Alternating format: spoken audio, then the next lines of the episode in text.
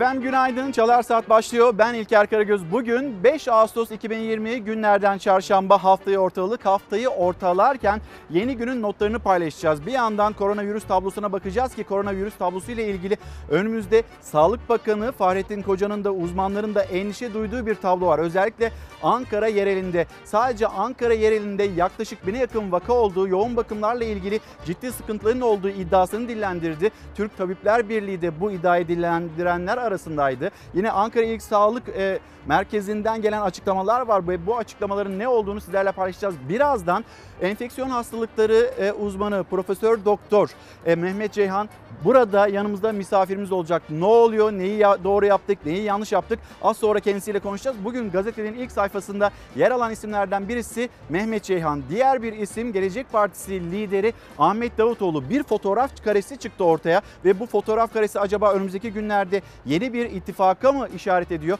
Kendisine soracağız, ekonomiyi konuşacağız, ittifakları konuşacağız. Yine aynı zamanda İstanbul Sözleşmesi ile ilgili Ahmet Davutoğlu ne düşünüyor? Bunu konuşmak istiyoruz. Yarından itibaren öğrencilerimiz için tercih süresi başlayacak ve tercihlerle ilgili nasıl bir adım atılması gerekiyor? Geleceğe dair öğrenciler ne yapmalı? Bunu da eğitim uzmanı Öztuna Norman'la konuşacağız. Hızlı hızlı ilerleyeceğiz ve ilk haberimiz için de Lübnan'a gideceğiz. Lübnan'ın e, Beyrut limanı, Beyrut limanında korkunç bir patlama meydana geldi ve bu patlamanın sonrasında 78 kişi hayatını kaybettiği yaklaşık 4000 kişinin yaralandığı bilgisi gelmekte. Lübnan'dan, Beyrut'tan ve endişe duyulan burada Beyrut'ta canını, hayatını kaybedenlerin sayısının artması.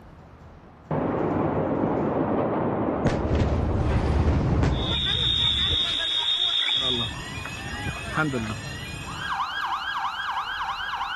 Önce küçük bir patlama, ardından tüm şehri sarsan bir afet ve mantar bulutu.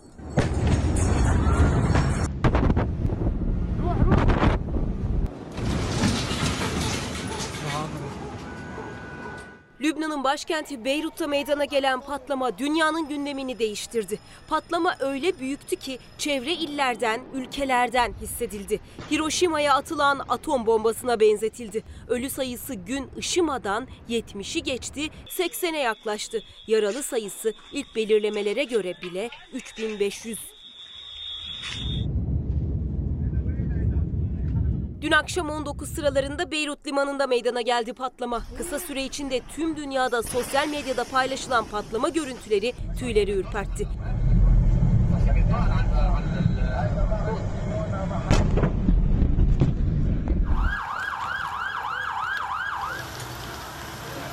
Patlamanın ardından çekilen görüntülerse nedenli büyük bir facia yaşandığını ortaya koydu. Şehrin neredeyse yarısı yok olmuştu. Sokaklar yaralılarla doldu. Kilometrelerce uzaklıktaki binalarda bile hasar meydana geldi. Patlama Kuzey Kıbrıs Türk Cumhuriyeti'nden bile hissedildi.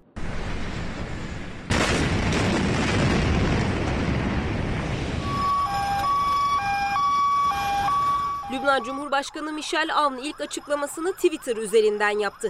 Beyrut limanındaki bir depoda herhangi bir güvenlik önlemi alınmadan 6 yıldır tutulan 2750 ton amonyum nitrat yani tarımsal gübrelemede de kullanılan patlayıcı maddenin infilak ettiğini duyurdu. Nedenine dair bir bilgi verilmedi. Başbakan Hasan Diab sorumlu olanlar bedelini ödeyecek dedi.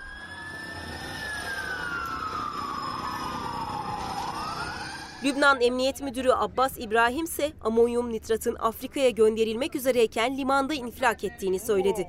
Ülkede iki haftalık olağanüstü hal ilan edildi. Çevrede yaşayanlar patlamanın ardından sürebilecek kimyasal etki konusunda uyarıldı. Bölgede pek çok ülkenin de büyükelçilikleri bulunuyordu. Türkiye'nin Beyrut Büyükelçisi Hakan Çakıl, Türkiye Büyükelçiliğinin camlarının kırıldığını ama çalışanların yaralanmadığını söyledi. Çakıl ilk belirlemelere göre patlamada iki Türk vatandaşının yaralandığı bilgisine ulaştıklarını ve yaralıların durumlarının iyi olduğunu ifade etti. Patlamanın nedeniyle ilgili iddialar birbirini izliyor. CNN International patlamayı terör örgütü DAEŞ'in üstlendiğini iddia etti. ABD Başkanı Trump da dikkat çeken bir açıklama yaptı. Biz yardım için burada olacağız. Bu korkunç bir saldırı gibi görünüyor dedi. Bir gazetecinin neden özellikle saldırı olarak nitelendirdiğini sorması üzerine de generallerimizin bazılarıyla görüştüm. Bunun bir saldırı olduğunu düşünüyor gibilerdi. Bu bir tür üretim patlaması falan değildi yanıtını verdi. Patlamanın nedeni, ölü ve yaralı sayısı yeni günle birlikte netleşecek. Patlamanın ardından Beyrut yani Lübnan'ın başkenti harabeye döndü ve bu şehirde Lübnan'da yas ilan edildi, olağanüstü hal ilan edildi. ABD Başkanı Trump'ın açıklamaları dikkat çekici. Bunun bir saldırı olabileceğine dair ve bütün dünya dikkatle oradaki patlama ve kaynağını merak etmekte. Bir geçmiş olsun mesajımız ve haberimiz de var aynı zamanda. Malatya'ya, çevre illerine geçmiş olsun demek istiyoruz. Dün e, öğleden sonra Malatya Pötürge merkezi 5.2 şiddetinde deprem meydana geldi. Gece boyunca artçı depremler de sürdü. Hem Malatya'da hem de çevre illerde gece huzursuz geçti. Malatya ard arda depremlerle sarsıldı. Öğle saatlerinde yaşanan 5.2'lik depremi akşam saatlerindeki 4 dörtlük deprem izledi. Gece ise kent 4.8 şiddetinde bir deprem daha yaşadı. Vatandaşlar korku dolu bir geceyi geride bıraktı. Malatya'nın Pütürge ilçesinde ilk deprem dün saat 12.37'de yaşandı. İlk depremin büyüklüğü 5.2 idi. Çevre illerde de hissedildi. Daha ilk depremin şoku atlatılamamışken akşam saatlerinde saat 18.30'da bu kez 4.4'lük depremle sarsıldı Pütürge. Korkuyla sokaklara döküldü bir kez daha Pütürgeliler. Gece saatlerinde bir kez daha sallandı Malatya. Saat 21.40'da meydana gelen depremin merkez üssü yine Pütürge, şiddeti ise 4.8'di. Depremden dolayı herkes tedirgin. Ee, artçı şoklar devam ediyor. Valla şu anda da parkta oturuyor. Vatandaşlar deprem sonrası yine korkuyla evlerinden çıktı. Geceyi sokaklarda araçlarının içinde geçirenler oldu. Üst üste gelen depremler sonucunda tedirgin olaraktan biz de dışarıya çıktık. AFAD gece saatlerinde meydana gelen depremde olumsuz bir durumun yaşanmadığını açıkladı. Enfeksiyon Hastalıkları Derneği Başkanı Profesör Doktor Mehmet Ceyhan şu anda yanımızda Çalar Saat'te. Hocam günaydın, Günaydın, hoş geldiniz. günaydın, Şimdi günaydın. hemen bir tabloyu da vermek istiyorum ben. Dün Sağlık Bakanı Fahrettin Koca'nın yapmış olduğu açıklama. Yeni hasta sayısındaki yükselme ciddi ki bunu sosyal medya mesajında büyük harflerle yazıyor Sağlık Bakanı. İki günü arasındaki fark yakın zamanda ilk kez bu kadar belirgin. Bayram ve tatildeki temas ortamının ağır sonuçlara yol açmasını önlemeliyiz. Hepimiz birbirimize karşı sorumluyuz. Tedbirde birliğe ihtiyacımız var. Bugünkü başlığımız birliğe ihtiyacımız var. Bu başlık altında sizlerle konuşmak istiyoruz ve diyor ki Fahrettin Koca kolaya kaçarsak zorlu birlikte yaşarız. 3 hafta sonra vaka sayılarının yeniden binin üzerine çıktığını gördük. Aslında şaşırtan bir tablo mudur bu?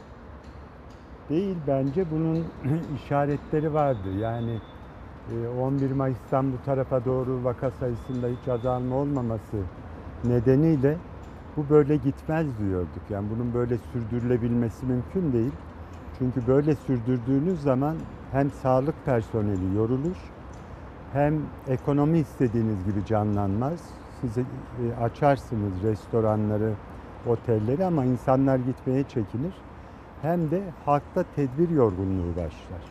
Bu sadece bize özgü bir durum değil. Dünyanın her tarafında böyle. Ve nitekim e, yavaş yavaş bu tedbirlere uyumda artma olması ümit edilirken azalma olduğunu görmeye başlamıştık. E, bayramda da insanlara bütün sahiller açılınca, şehirler arası dolaşım tamamen serbest olunca insanların buralara akın edeceği öngörülebilir bir şeydi zaten. Ve nitekim sahillerde de en büyük sıkıntı şuydu. Burada da tedbir alınması gerektiğini söylüyor idik. Ee, çok geniş sahillerimiz var bizim. İnsanların denize girebileceği çok yer var gibi görünüyor ama bunlar genel anlamda özellikle Ege ve Akdeniz sahillerinde oteller, işte e, işletmeler, e, plaj tesisleri, siteler tarafından kapatıldığı için halkın genelde denize girebileceği ya da güneşlenebileceği çok dar şeritler var. Ve burada yoğunlaşma olacağı, insanların sosyal mesafeye uymayacağı, e, maske takmanın o bölgelerde zaten çok yüksek oranda olmayacağı belliydi. Bu aslında şu uyguladığımız normalleşme modelinin beklenen sonuçları. Yani bu aslında O zaman e, hocam burada bir hata var. Şimdi şöyle, hata şurada. Biz buna aç kapa yöntemi diyorduk. Daha önce sizin programda da konuşmuştuk. Yani normalleşmenin bir şekli bu. Ya kademeli normalleşirsiniz, işte yavaş yavaş tedbirleri kaldırırsınız. Ya da böyle birdenbire normalleşirsiniz ama buradaki kural şudur. Problemle karşılaştığınızda yeniden bazı tedbirler almak zorundasınız. Yani örneğin vaka sayıları arttı ya da beklediğiniz sürede düşmedi kapatmak gerekmeyebilir ama ekstra bazı tedbirlerin alınması lazım. Biz bu şekilde tedbirleri almadık.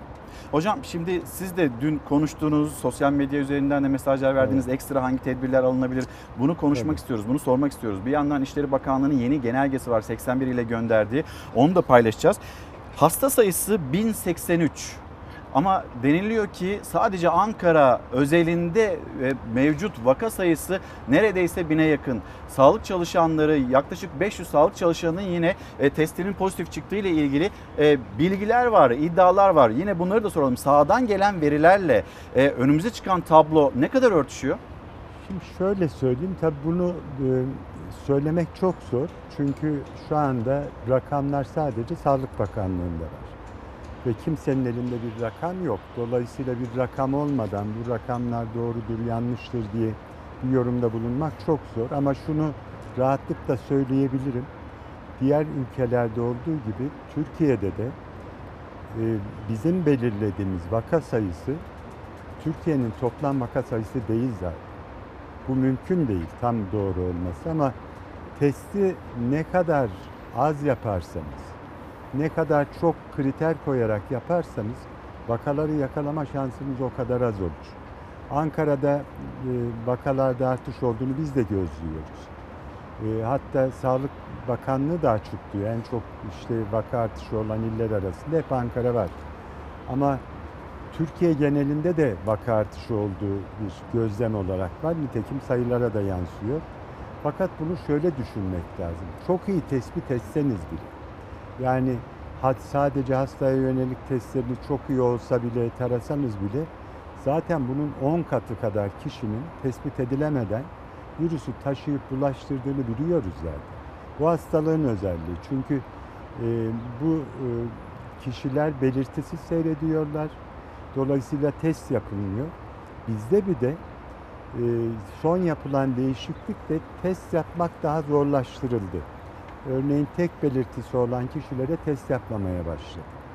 İkincisi bu belirtisi olmadan virüsü bulaştıran kişileri yakalayacak bir düzgün test politikamız yok. Biz taramalar yapıyoruz ama bu taramalar o kişilere çok yönelik değil. Dolayısıyla mutlaka bunları daha işte kriterleri azaltıp daha fazla test yapmalıyız. Bu işte tarama testlerini mutlaka bulaştırma potansiyeli yüksek olan sağlık personeli, işte gişe ve danışma memurları, şoförler, garsonlar, uçaklarda kabin amirleri gibi çok kişiyle temas eden, dolayısıyla eğer virüs varsa kendisinde çok kişiye bulaştırabilecek gruplara yönlendirmeliyiz.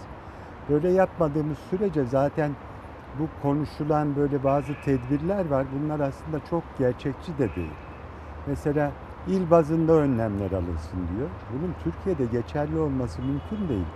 Çünkü bunu yapabilmeniz için iki şeyi bilmeniz lazım. Bir, o ildeki belirtisi olmadan virüs taşıyan insanların sayısını bilmeniz lazım. Hani bir, bir ile bakarsınız hiç vaka yok ama ilde aslında epeyce virüs bulunduran insan olabilir o ilde. İkincisi şehirler arası dolaşımın kontrollü olması lazım. Bu şekilde hiç kontrolü olmadan şehirler arası dolaşım varken ve üstelik virüs bulaştıran kişi sayısını bilmeden il bazında alacağınız önlemlerin hiçbir etkisi olmaz. Çünkü önlemler azaldığında başka ilden gelir tekrar bulaştırırlar. Dolayısıyla bu sayıların hem bilinmesi hem de bilinmesi için testlerin artırılması ve iyi organize edilmesi lazım. Hocam şimdi tedbirlerden devam edeceğiz. Sizin dikkat çekeceğiniz konular var. Ama bir izleyicilerimiz de sizlerle İçişleri Bakanlığı'nın yeni genelgesini paylaşalım öyle devam edelim.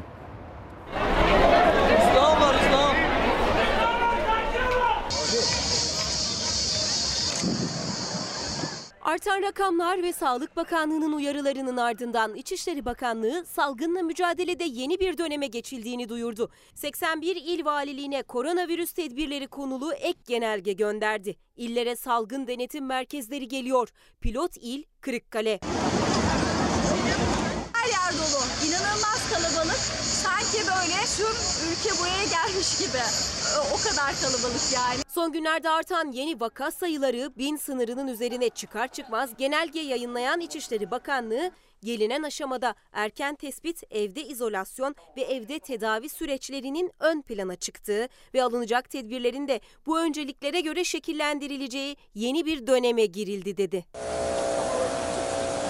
Genelgede Sağlık Bakanlığı ve Koronavirüs Bilim Kurulu'nun önerileri, Cumhurbaşkanımız Sayın Recep Tayyip Erdoğan'ın talimatları doğrultusunda birçok tedbir kararı alınarak uygulamaya geçirildiği hatırlatıldı. Buna göre artık evinde izolasyona tabi tutulanların özellikle ilk 7 gün izolasyon şartlarına uyup uymadıkları vali, kaymakam ve kolluklarca denetlenecek. Valilik bünyesinde salgın denetim faaliyetlerinin tek elden eş güdümünü ve yönetimini sağlayan il salgın denetim merkezleri oluşturulacak. Kurulacak filyasyon çalışmaları takip kurullarına da vali yardımcısı ve kaymakamlar başkanlık edecek. Her gün saat 16'da vaka tablosu ve rakamlar değerlendirilecek.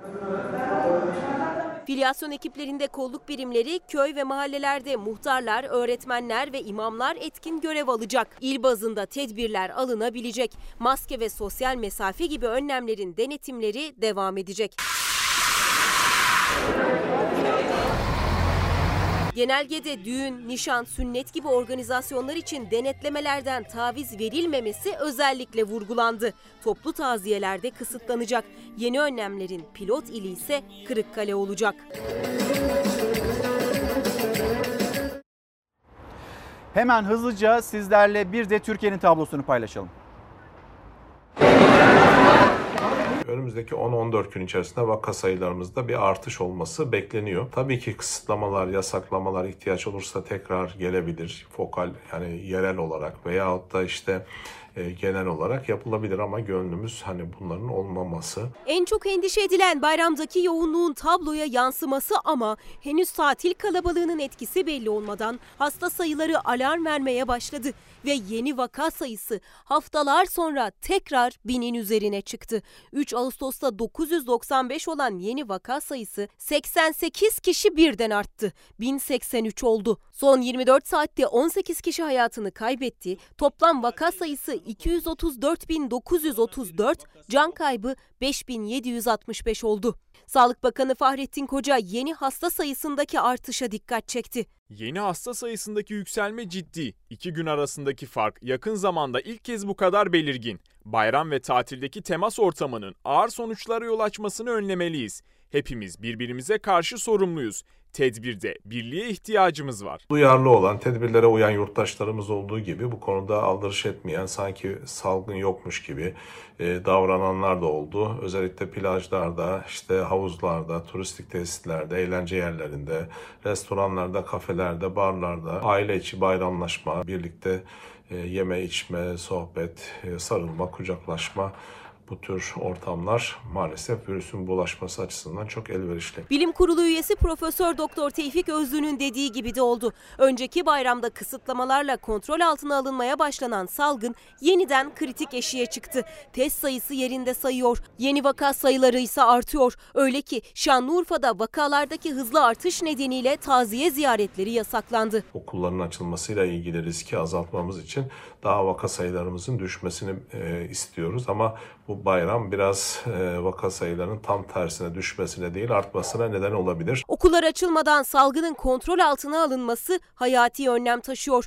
Milli Eğitim Bakanı Ziya Selçuk da hazırlıkların hızla sürdüğünü söyledi ama o da sitem etti. Okullarımızı sağlıkla açmak için gece gündüz çalışıyoruz. Çocukları ve yetişkinleri bayramda denizde, plajda, parkta, sokakta bu kadar yakın temaslı ve maskesiz görmek üzücü. Okulları birlikte açacağız diyoruz. Bunun için gerçekten çabalayamaz mıyız? Yurttaşlarımız yavaş yavaş kendi evlerine, memleketlerine, işlerine tekrar geri dönecekler. Benim önerim bu döndükten sonraki 14 gün kendilerini yakından takip etsinler. Kendilerini ve çevresindeki insanları.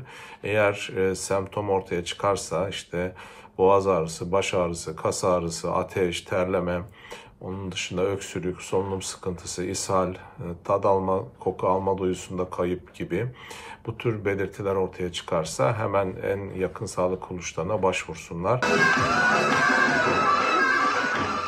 Uzmanların tüm uyarılarına, tablonun tüm ciddiyetine rağmen hala virüs yokmuş gibi davranılıyor. İstanbul'daki asker uğurlaması eğlencesinde yine ne maske vardı ne de sosyal mesafe. Oysa uzmanlar uzun bir süre daha maske, mesafe ve hijyen kurallarına uyulması gerektiğini söylüyor. Bu üç tedbir %100 koruyor. Önemli olan bunu başarabilmek, virüsle beraber yaşamayı öğrenmek. E, aksi takdirde dediğim gibi daha zor. Kısıtlamalar, yasaklamalar, onları sürdürmek, onlara geri dönmek hepimiz için daha travmatize olacaktır.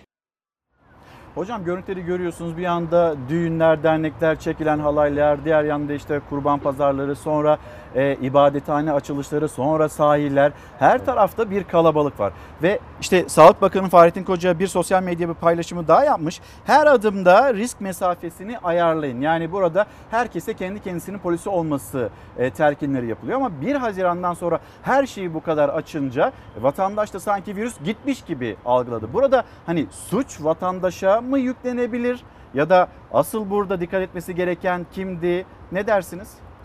Burada tabii iki taraflı bir sorumluluk var. Yani onu kabul etmek lazım.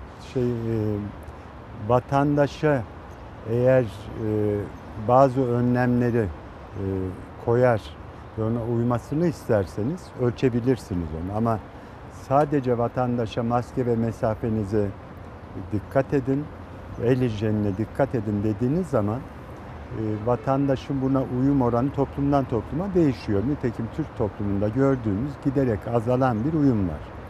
Burada tabii devletin yapması gerekenler de var. Yani biraz önce söylediğim gibi böyle hızla normalleşiyorsanız ortaya problem çıktığında da bazı ekstra tedbirler almanız lazım. Bizde eksik olan o oldu. Yani e, bu 11 Mayıs'tan beri binlerde takıldığımızı gördük, bir tedbir almadık. 1500'lere çıktı, bir tedbir almadık. Ve o aradaki oynamaları, hani işte binden 900'e inmeyi falan bir değişiklik diye değerlendirdik. Aslında o bir değişiklik değil. Zaten normalde bu e, eğrinin dalgalı seyretmesi lazım. Yani her gün böyle birbirine yakın sayılarla gitmez pandemi eğrisi. Bazen işte 100 aşağı iner, 200 yukarı çıkar, 300 aşağı iner. Ama bir ortalaması vardır. Biz 11 Mayıs'tan bu tarafa o 1000 ortalamasında gidiyoruz açıkçası. Yoksa ne 900'e inmesi önemli ne işte 1085'e çıkması önemli. Çünkü çok büyük bir fark yok. Ama bu arada da bu sayı artışına neden olabilecek birçok sosyal olay yaşadık. İşte kalabalıklaşmaya yol açan. Dolayısıyla bunların etkilerini de hemen görmüyoruz. Mesela bayramın etkisini de genelde bir ay sonra falan göreceğiz. Doğru biz daha bayramın etkisini görmedik. Tabii. Ee, işte ne bileyim Temmuz ayının başı ortalarındaki etkileri yavaş yavaş görmeye başlıyoruz Tabii, değil mi? tabii tabii. Yani Öngörünüz nedir peki hocam? Bir pik bekliyor musunuz Ağustos ayı sonunda? şöyle söyleyeyim artış bekliyorum. Yani e, bu gidişle eğer bu önlemler, ekstra önlemler alınmazsa ve e, halk da bu uyum oranıyla devam ederse ki onu değiştirmek çok zordur. Eğer böyle devam ederse bir defa artışlar bekliyorum. Buna pik denemez. Yani öyle çok bir büyük artış iniş olmayabilir. Ama e, tabii vaka sayısında ne kadar artış olacağını öngörmek de çok zor. Bunları öngörebiliyorduk çünkü e, tedbirler çok yoğun bir şekilde uygulanıyor idi. O zaman hesap yapmak kolaydı. Şu anda herhangi bir hesap yapılamaz. Ama mesela okulların açılışı için böyle işte okulların açılma dönemini beklemenin falan bir anlamı yok. Okullar konusuna Evet. geçelim mi? Bugün e, pek çok gazetenin manşetinde siz ve sizin açıklamalarınız var. Mesela Karar Gazetesi, Karar Gazetesi'nin manşetini hemen izleyicilerimizle paylaşalım. Okulda virüs sınavı. Türkiye'de kırmızı hatta seyreden vaka sayılarına bayram rehavetinin eklenmesi okulların açılmasına sayılı günler kala endişeleri arttırdı. Profesör Doktor Mehmet Ceyhan'dan en kritik uyarılar geldi. Hastalığı bulaştırma riski en yüksek grup 10-19 yaş. Okulda 2 metreden az mesafe büyük tehlike yaratır. Sınıflar 2'ye 3'e bölünerek online ve yüz yüze olacak şekilde karma eğitim verilebilir. Şimdi bunları tekrar sizden dinleyelim. Böyle bir Tabii. tabloda okul açmak ne Şimdi kadar ilk doğru? Birçok yanlış öngörü vardı hatırlarsınız Evet. bilim adamlarından. Bunlardan bir tanesi de çocuklar bulaştırmaz ya da az bulaştırır görüşüydü. Son yapılan çalışmalarda görüldü ki tam tersine çocuklar daha çok bulaştırıyor. Zaten e, işte 31 Temmuz'da CDC rapor etti. E, Georgia'da bir yaz okulu, yani açık havada yapılan bir okul bu. E, orada yaz okuluna katılan öğrencilerin arasında bir tane virüs pozitif çocuk var ve e, yarısına bulaştırıyor. Yani bir defa çocuklar kesinlikle bulaştırıyor. İkincisi çocuklar evet daha hafif seyrediyor ama işlerinde çok ağır seyreden, özellikle de geçen ay çok gündemde olan bu işte toksik şok sendromuna benzer tablo nedeniyle hayatını kaybeden çocuklar var. Ama en önemlisi o çocuklar ilk virüsü aldıkları zaman biz fark etmeyeceğiz. Çünkü bunların çok büyük çoğunluğu belirtisiz seyredecek. Biz ne zaman fark edeceğiz? Bunlar evlerine gidip orada risk grubunda olan yetişkinlere bulaştırdığında vaka olarak göreceğiz biz onları. E peki hocam Bu da bir okullar- aya yakın bir süre alabilir. İkincisi okulların tam açılmasına yakın Kurban Bayramı'nın etkilerini göreceğiz. Yani vaka sayısında tam o dönemde bir artış da bekliyoruz. Dolayısıyla Milli Eğitim Bakanlığı bir karar alacaksa okullarla ilgili çok beklemesine gerek yok o dönemi. Bundan daha iyi olmasını beklemiyoruz. Böyle ciddi vaka azalmaları olacak. İşte böyle sıfıra yakın rakamlar olacak. Çok daha güvenilir olacak diye. Yani bir biz bugünden bulunmak- 31 Ağustos'u öngörebiliyoruz. Tabii tabii.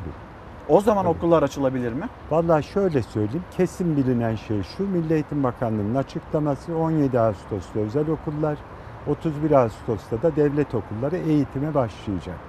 Ama bu eğitim online mı olacak, tamamı okulda mı olacak, karma mı olacak belli değil. Şimdi e, tahmin ediyorum karma bir eğitim modeli geliştirilecek. Fakat burada tabii çok önemli bir sorun var. E, okula gitmediği günlerde çocuklar. Mesela diyelim ki iki gün gitti, üç gün gitmedi. Evde eğitime devam edecek. Özellikle küçük çocuklar için kim bakacak? Ee, ne olacaklar o sürede? Onların çalışan anne babalarına nasıl bir fo- formül bulunacak? Ücretli izinli mi sayılacak? Bu- Bunların sanıyorum halledilmesi lazım ve onlar üzerinde çalışılıyordur. Ee, Çünkü ben tam anlamıyla okul açılmasının e, çok mümkün olmayacağını düşünüyorum. Şimdi burada şöyle bir düşünce var maalesef. Hem eğitim camiası kızıyor bize hem de işte iş camiası kızıyor. Biz işte bunlar risklidir dedikçe şuralar açılınca risklidir falan. Aslında tedbirlere kızıyorlar. Halbuki bu riski oluşturan yani işte ekonomik kayıpları, okuldaki problemleri, iş yerlerindeki problemleri, iş yerlerinin kepek kapatmasını, zarar etmesinin nedeni tedbirler değil. Tedbirlerin az olması ve az uygulanması nedeniyle hastalığın yayılması. Yani siz istediğiniz kadar açın, aileler okula çocuğunu göndermek istemiyor. Restoran açıyorsunuz, insanlar gitmeye çekiniyor. Bu sayıları aşağı indirmedikçe bu korku devam edecek toplumda. Sayılar arttıkça daha da artacak zaten. E, Başka uzmanlarımızın da görüşleri var. Sosyal medya üzerinden mesela e, Doktor Ener Çağrı dinleyici 1083 yeni olgu Sağlık Bakanı Sayın Fahrettin Koca'nın kullandığı kelimeleri dikkat edilir umarım. Yükselme, ciddi, belirgin, ağır sonuç. Ben bunlara ek bilmesem de yoğun bakım sayıları diyorum. Okuduklarınız, gördükleriniz sizi endişelendirmiyorsa ne mutlu size demiş. Kayahan Pala Yalnızca Ankara'da günde bine yakın olgudan söz ediliyor. Evet hocam şimdi bu önemli bir e, bilgi, bir iddia olarak ortaya çıktı. Haberi de hazır. Bir paylaşalım izleyicilerimizle. Ankara'da ne oluyor, ne bitiyor hemen konuşalım. Ankara'da yoğun bakımda şu an doluluk oranlarımız %67 oranında. Ayın 28'inde İl Sağlık Müdürlüğü'nde bazı kararlar alındı. Hastaneler e, yataklarının yarısını e, pandemi e, yatağına dönüştürecekler. Planlanmış acil olmayan ameliyatlar dışında hiçbir ameliyat yapılmayacak. Bu şu demek Ankara tıkandı, yoğun bakımlar tıkandı. Sadece Ankara'da bugün sahadan aldığımız bilgilere göre 900'ün üzerinde Covid pozitif şüpheli e, hasta var. 30'a yakın e, hasta da e, yoğun bakımda yatmak için yatak bekleyişi içerisinde. Sağlık Bakanı Fahrettin Koca çok değil 5 gün önce yoğun bakımlarda doluluk oranı %67 demişti ama CHP'nin doktor vekili Murat Emre Ankara Tabip Odası'na ve Büyükşehir Belediye Başkanı Mansur Yavaş'a göre Ankara'da alarmın rengi kırmızı. Ankara'daki bir hastanede 16 yataklı yoğun bakım servisinde 24 Covid hastasının yattığını iddia eden Ankara Tabip Odası sadece Ankara'da günlük vaka sayısının bine yaklaştığını söyledi. İl Sağlık Müdürlüğü ise bir açıklama yaptı. Durum kontrolümüz altında dedi. Yapılan çalışma ve hazırlıklarımızdan ilimizde hasta patlaması olduğu ve sağlık altyapımızın çöktüğü gibi sonuçlar çıkarmak gerçekle bağdaşmamaktadır. Ankara ilinde bugün itibariyle hasta yatak doluluk oranı %50, yoğun bakım yatak doluluk oranı ise %63'tür. Bakanlığın bayramdan önce verdiği 19 ölüm rakamında sadece Ankara'da 9 ölüm, Erzurum'da 4 ölüm, e, Urfa'da ve Diyarbakır'da da toplam 10 ölüm vardı ve e, bu rakam bile bakanlığın verdiği rakamların çok üzerinde. Aylardır kamuoyunun gözü boyanıyor ama e, gerçek tablonun bu olmadığını bu yazılar söylüyor. Afetin felakete zaten e, dönüşmüş dahi olabilir. CHP Ankara Milletvekili Murat Emir kaygısına gerekçe olarak Ankara İl Sağlık Müdürlüğü'nün pandemi değerlendirme toplantısında aldığı kararları gösterdi. 28 Temmuz tarihli yazıda hastanelere klinik yataklarının en az %50'sini Covid için ayırın deniyor. Acil olmayan ameliyatların ve yatış yatışların ertelenmesi talimatı veriliyor. CHP'li vekile göre bu yazı hastanelerdeki yoğun bakım doluluğunun kanıtı. Ankara'da alarm e, zilleri çalıyor ve ipin ucu e, kaçmış gibi görünüyor. Bakınız diyor ki elektif cerrahi vaka ve elektif dahili yatışların ertelenmesi. Bu e, aslında seferberlik durumlarında yapılacak bir şeydir. İl Sağlık Müdürlüğü hastanelere gönderdiği yatak talimatından iki gün sonra filyasyon uygulamasında da yeni bir döneme geçtiğini bildirdi. O karara göre ağır vakalar dışında Covid belirtisi gösteren ve onlarla temaslı kişilerin testleri de tedavileri de evlerinde yapılacak. Benim artık bunları takip edecek, kontrol edecek bir e, gücüm kalmadı. Dolayısıyla eğer şikayetleri var ve şüpheli teması varsa verin tutuşturun eline iki tane ilacı ve oradan ayrılın diyor. E, bu aslında çaresizliğin dile getirilmiş hali oluyor. Dolayısıyla son derece tehlikeli bir e, aşamaya girdiğimiz apaçık ortada. E, kafalarını kuma gömmeye devam ederlerse yoğun bakım yatağı bulamadığı için, solunum destek bulamadığı için yaşamını yitiren hastalarımız olacak ve o günde iş işten geçmiş olabilir. Ankara'da Covid-19 vaka artışı maalesef ilk zamanlardaki seviyeye çıkmıştır. Tedbirlerimizi üst seviyeye çıkarmakla birlikte çalışma arkadaşlarımızın ve sizlerin sağlığı için belediyemize ziyaretleri sınırlandırdık. Ankara Büyükşehir Belediye Başkanı Mansur Yavaş da Ankara'daki vaka artışına dikkat çekerek belediyeye ziyaretçi sınırlaması getirildiğini söyledi. İddiaların ardından Ankara İl Sağlık Müdürlüğü bir açıklama yaptı. Yazılı açıklamada Ankara'da hastanede yatak doluluk oranı %50, yoğun bakım yatak doluluğu %63 dendi. Pandeminin kontrol altında olduğu söylendi. İl Sağlık Müdürümüz Başkanlığında 28.07.2020 tarihinde yapılan pandemi değerlendirme toplantısında normalleşme sürecindeki farklı senaryolar tartışılmış ve olası yeni durumlara karşı alınması gereken tedbirler gözden geçirilmiştir. Muhtemel senaryolara karşı il düzeyinde yapılması gereken hazırlıklar ve alınacak tedbirler konusunda ilgili sağlık kuruluşlarımız yazılı olarak bilgilendirilmiştir. Yapılan çalışma ve hazırlıklarımızdan ilimizde hasta patlaması olduğu ve sağlık altyapımızın çöktüğü gibi sonuçlar çıkarmak gerçekle bağdaşmamaktadır. Ankara ilinde bugün itibariyle hasta yatak doluluk oranı %50, yoğun bakım yatak doluluk oranı ise %63'tür. Türk Tabipler Birliği'nden halk sağlığı uzmanı Kayan Pala Hoca, yalnızca Ankara'da günde bine yakın olgudan söz ediliyor. Salgın sürüyor, önlem almayı ihmal etmeyin demekti. Sahada aktif çalışan sağlık emekçilerinden aldığımız bilgiler doğrultusunda Ankara'da günlük pozitif vaka sayısının bine yaklaştığını belirtmek istiyoruz. Bir alıntı yapıyor Ankara Tabip Odası'ndan. Çağhan Kızıl.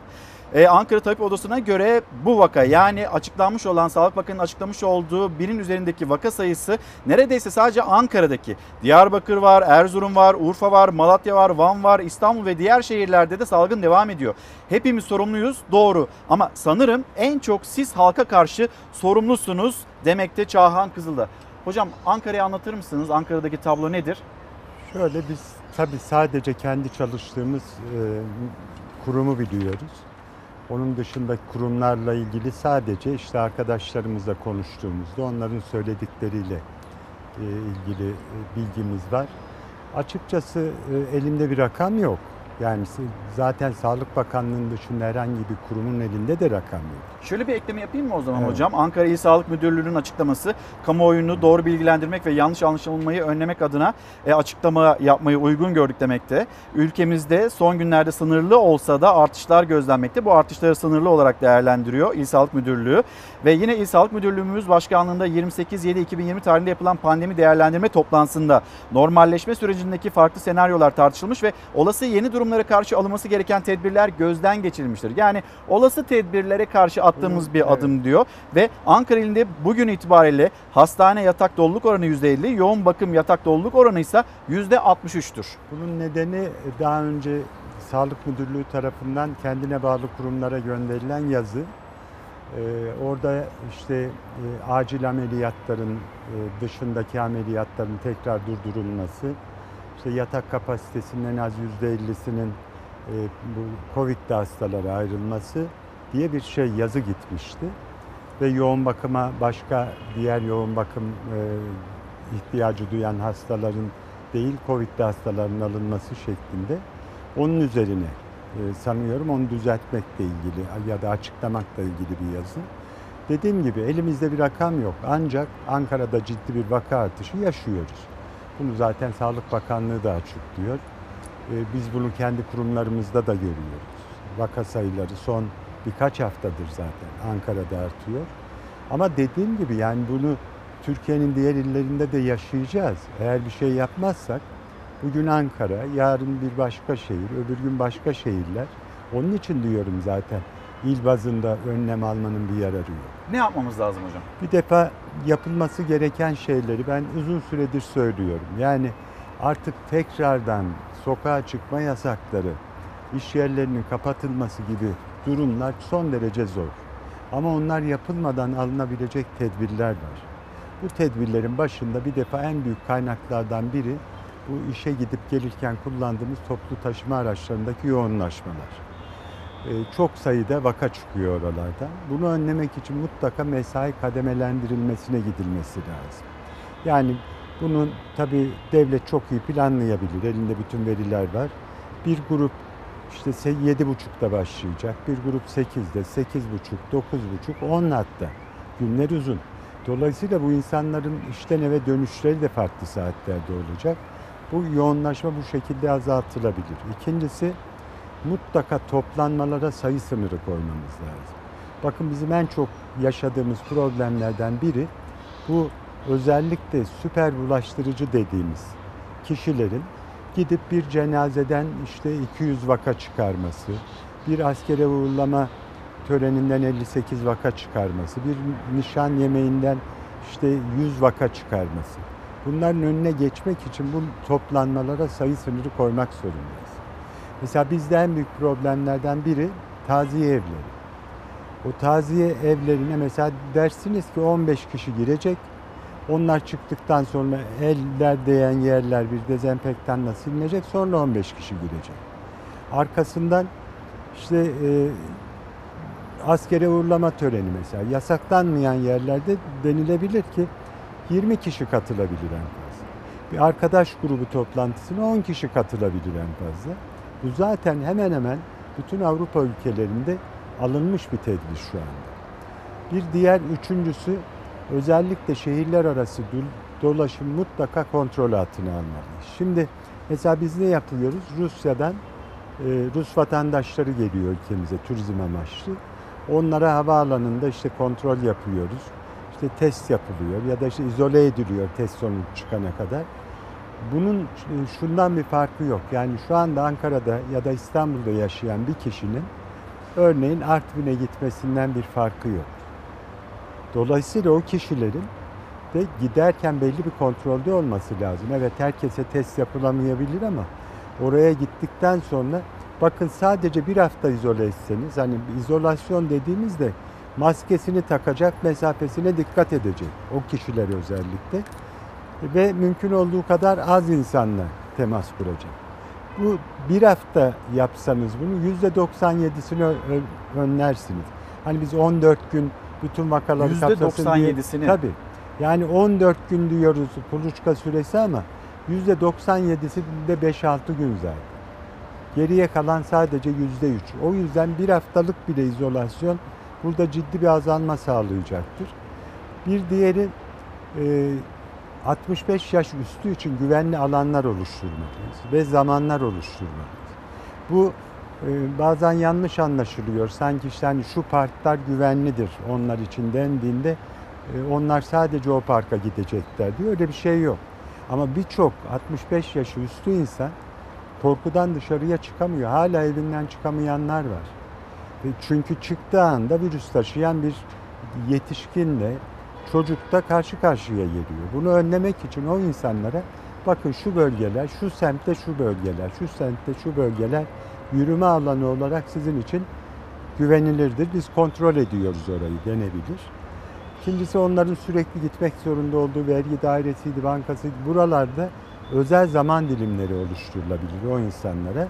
Diğer insanların olmadığı zamanlar o insanlar rahatlıkla işte ise bu işlerini yapabilirler.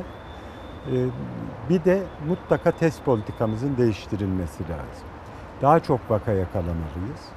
Daha çok belirtisiz kişi yakalamalıyız. Çünkü bunları yakalayamadığımız için dünya genelinde herkes işte o azalma döneminde tedbirler varken, vakalar hızla azalırken işte bir de yaz aylarında bu virüs işte dayanmıyor sıcağa diye yanlış söylemlerle işte yazın salgının biteceğini düşünüyordu. Ama e, aslında son derece yanlış bir düşünceydi. Çünkü asemptomatik dediğimiz bu belirtisiz kişiler bulaştırmaya devam ediyor. Bunlara yönelik tek etkili tarama politikasını Çin yürüttü. O da sadece bir bölgede, Wuhan bölgesinde ve orada sıfırladı vakaları. Hocam son ve kısacık bir yanıt istiyorum. Aşı ne zaman gelir? Evet. Gelir mi gelmez mi? Şimdi aşı konusunu Ve ikiye, grip mevsimi, tabii hemen ikiye ayırmak bağlarsak. lazım. Bireysel korunmak için yani bir kişinin yaptırıp kendini koruyacağı bir aşı e, önümüzdeki yıl çıkabilir. Ama pandemiyi bitirmek amaçlı yani toplumsal bağışıklık sağlayacak bir aşılama, bütün dünya nüfusuna uygulanacak bir aşılama ve birkaç seneden önce mümkün görünmüyor. Dolayısıyla aşıya bel bağlayıp işte zaten şu zaman bitiyor gibi bir düşünce son derece yanlış olur. E, grip ve zatürreyle bu hastalığın e, risk grupları tamamen örtüşüyor. Dolayısıyla grip için zaten iki- her iki aşıyı da devlet ücretsiz yapıyor. E, risk grubuna giren kişilerin işte yeni aşı bu senenin aşısı Eylül'ün ortasından sonra çıkar. Çıktığı zaman ve zatürre aşısında istedikleri zaman yaptırmalarında yarar var. Hocam çok teşekkür ederim. Çok Rica sağ olun. ederim. Vakit ayırdınız, geldiniz. diliyorum. Bir yandan böyle Türkiye'yi de bilgilendirebilme adına Enfeksiyon Hastalıkları Derneği Başkanı Profesör Doktor Mehmet Ceyhan'la konuştuk. Şimdi molaya gireceğiz. Molanın dönüşünde siyasetin gündemine Gelecek Partisi lideri Ahmet Davutoğlu ile birlikte bakacağız. Efendim hızlıca devam ediyoruz. Çalar Saat'e sizleri Lübnan'a, başkenti Beyrut'a götüreceğiz. Orada meydana gelen patlama ve bu patlamanın ardından Ankara'dan gelen taziye ve destek mesajlarına.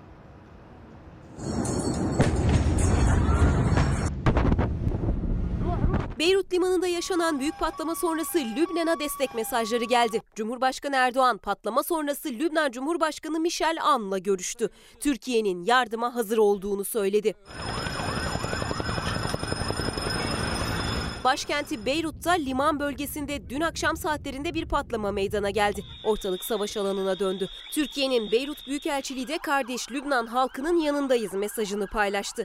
Patlama sonrası Lübnan'a yardım elini uzatan ilk ülkelerden biri Türkiye oldu. Cumhurbaşkanı Recep Tayyip Erdoğan, Lübnanlı mevkidaşı Michel Avn'ı aradı. Taziye dileklerini iletti.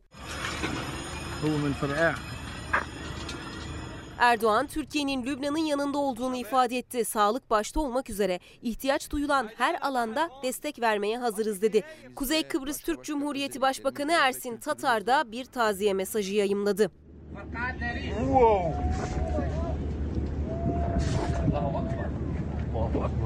Amerika Birleşik Devletleri'nden de patlama sonrası peş peşe açıklamalar geldi. Amerikan Dışişleri Bakanı Mike Pompeo Lübnan'a yardıma hazır olduklarını söyledi. Patlamadan saatler sonra konuşan Amerika Başkanı Donald Trump ise patlama için korkunç bir saldırı gibi görünüyor ifadelerini kullandı. Dünyadan da Lübnan'a destek mesajı yağdı. Rusya, Yunanistan, Avusturya, Belçika, Brezilya, İngiltere ve Fransa'da Lübnan'a her türlü desteğe hazırız dedi. Avrupa Birliği ülkeleri Beyrut'ta meydana gelen patlama nedeniyle destek ve dayanışma çağrısı yaptı. Irak ve Katar'ın 3 Sahra Hastanesi göndereceği belirtildi. Patlamanın ilk dakikalarında hedef gösterilen İsrail ise ilk önce patlamayla hiçbir ilgimiz yok dedi. Ardından insani yardıma hazır olduklarını belirtti.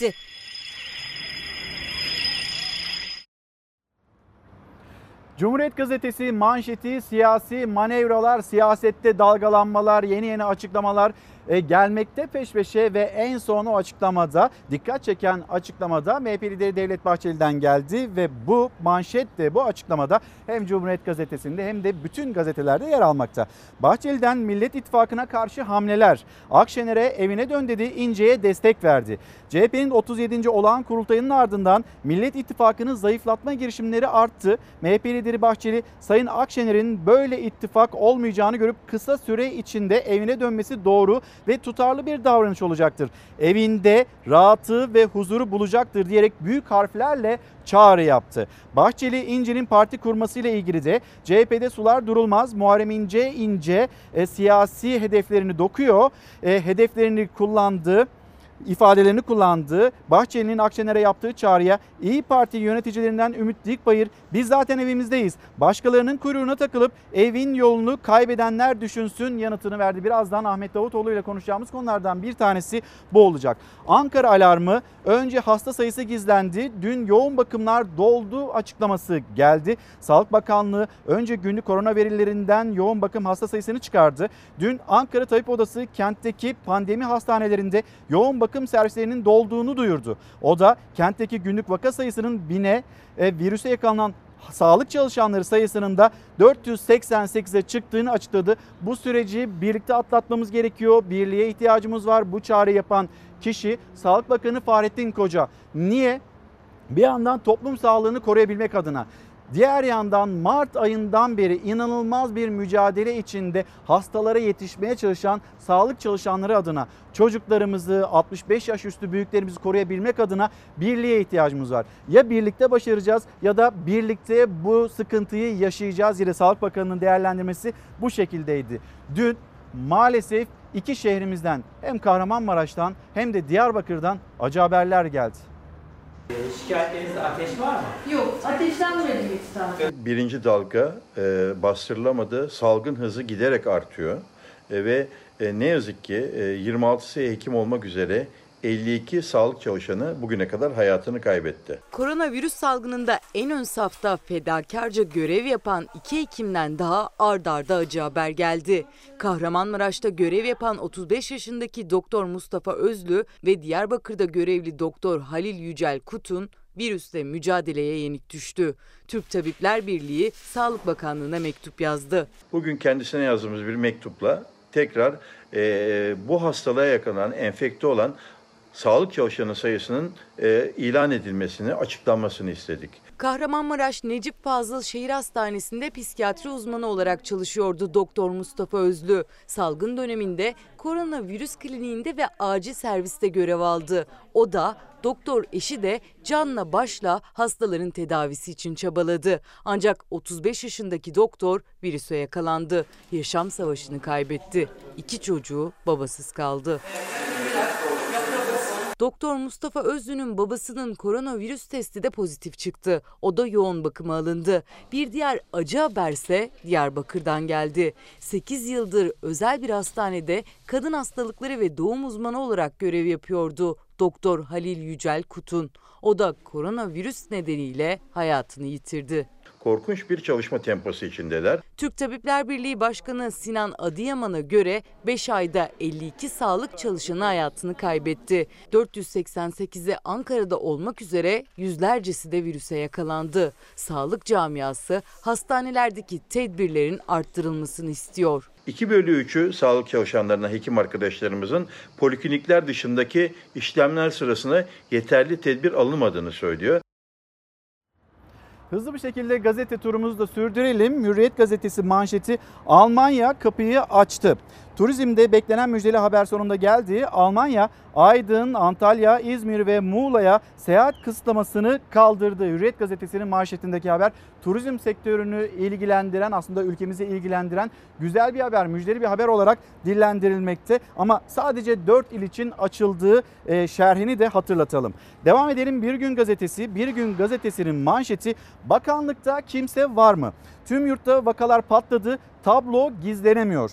Uyarılar dinlenmedi. Salgınla mücadelede başa dönüldü. Ankara'da yoğun bakımlar doldu. Ameliyatlar durduruldu. Ama Ankara İl Sağlık Müdürlüğü'nün açıklamalarını ben sizlere bir kez daha aktarayım. Ankara İl Sağlık Müdürlüğü biz bu konuyla ilgili bir çalışma yaptık demekte 28.7.2020 tarihinde. Ama hani önümüzdeki günlerde sıkıntılı bir durum yaşamamak için ya da yaşayacak olursak bunun hazırlığının toplantısı ya da uyarılarıydı demekte. İl Sağlık Müdürlüğü'nün yaptığı açıklama yapılan çalışma ve hazırlıklarımızda ilimizde hasta patlaması olduğu ve sağlık altyapımızın çöktüğü gibi sonuçlar çıkarmak gerçeklerle bağdaşmamaktadır. Ankara ilinde bugün itibariyle hastaneye yatak doluluk oranı %50, yoğun bakım yatak doluluk oranı ise %63'tür denildi. Yapılan açıklama bu şekilde. Ve gelelim Yeni Çağ Gazetesi'ne. Yeni Çağ Gazetesi'nin manşeti patlamasında ne yapsın?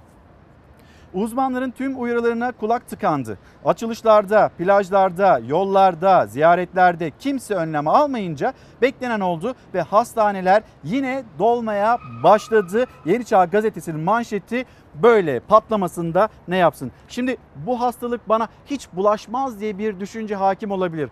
Ama bu hastalığın ne kadar sancılı devam ettiğini işte hala hayatımızda e, büyüklerimizi kaybetmemize de neden olmakta. Ne kadar sıkıntılı bir hastalık olduğunu, bir pandemi olduğunu bunu yaşayanlar anlatacak. Tamam iki kez pozitifliği var çünkü hani İki gün ben gözlerimi açamadım. Şiddetli derecede yanması oldu gözlerimin. Ağrısı oldu şiddetli. Ensede çok şiddetli ağrı. Sırt bölgesinde ağrı vardı. Tamamen o sırtınızda ağrı oturuyor. Trafik kazası geçirmiş gibisiniz. Ben iki tane doğum yaptım. Böyle bir ağrı yaşamadım. Bizim gibi yaşasalar inanın kafalarını çıkarmazlar. Anlattıklarında hem uyarı vardı hem de yaşadıkları zor günlerin tarifi. Koronavirüse yakalanıp tedavi olan Doğan çifti hastalık sırasında neler yaşadıklarını çarpıcı sözlerle anlattı. Bu bir grip değil. Kesinlikle grip değil. Grip ağrısı gibi bir şey yaşamıyorsunuz. Bütün parmak uçlarınıza varıncaya kadar tüm eklemleriniz ağrıyor. Kırklar elinde yaşayan Gülümser Doğan yüksek ateş şikayetiyle gittiği hastanede koronavirüse yakalandığını öğrendi. Hemen tedavisine başlandı. Hastaneye yattıktan sonra aldığınız ilaçlar da sizi çok berbat ediyor. Çünkü bağırsak sistemini bozuyor, mide bulantısı, aşırı derecede bir mide bulantısı oluyor. Hiçbir şey yiyemiyorsunuz.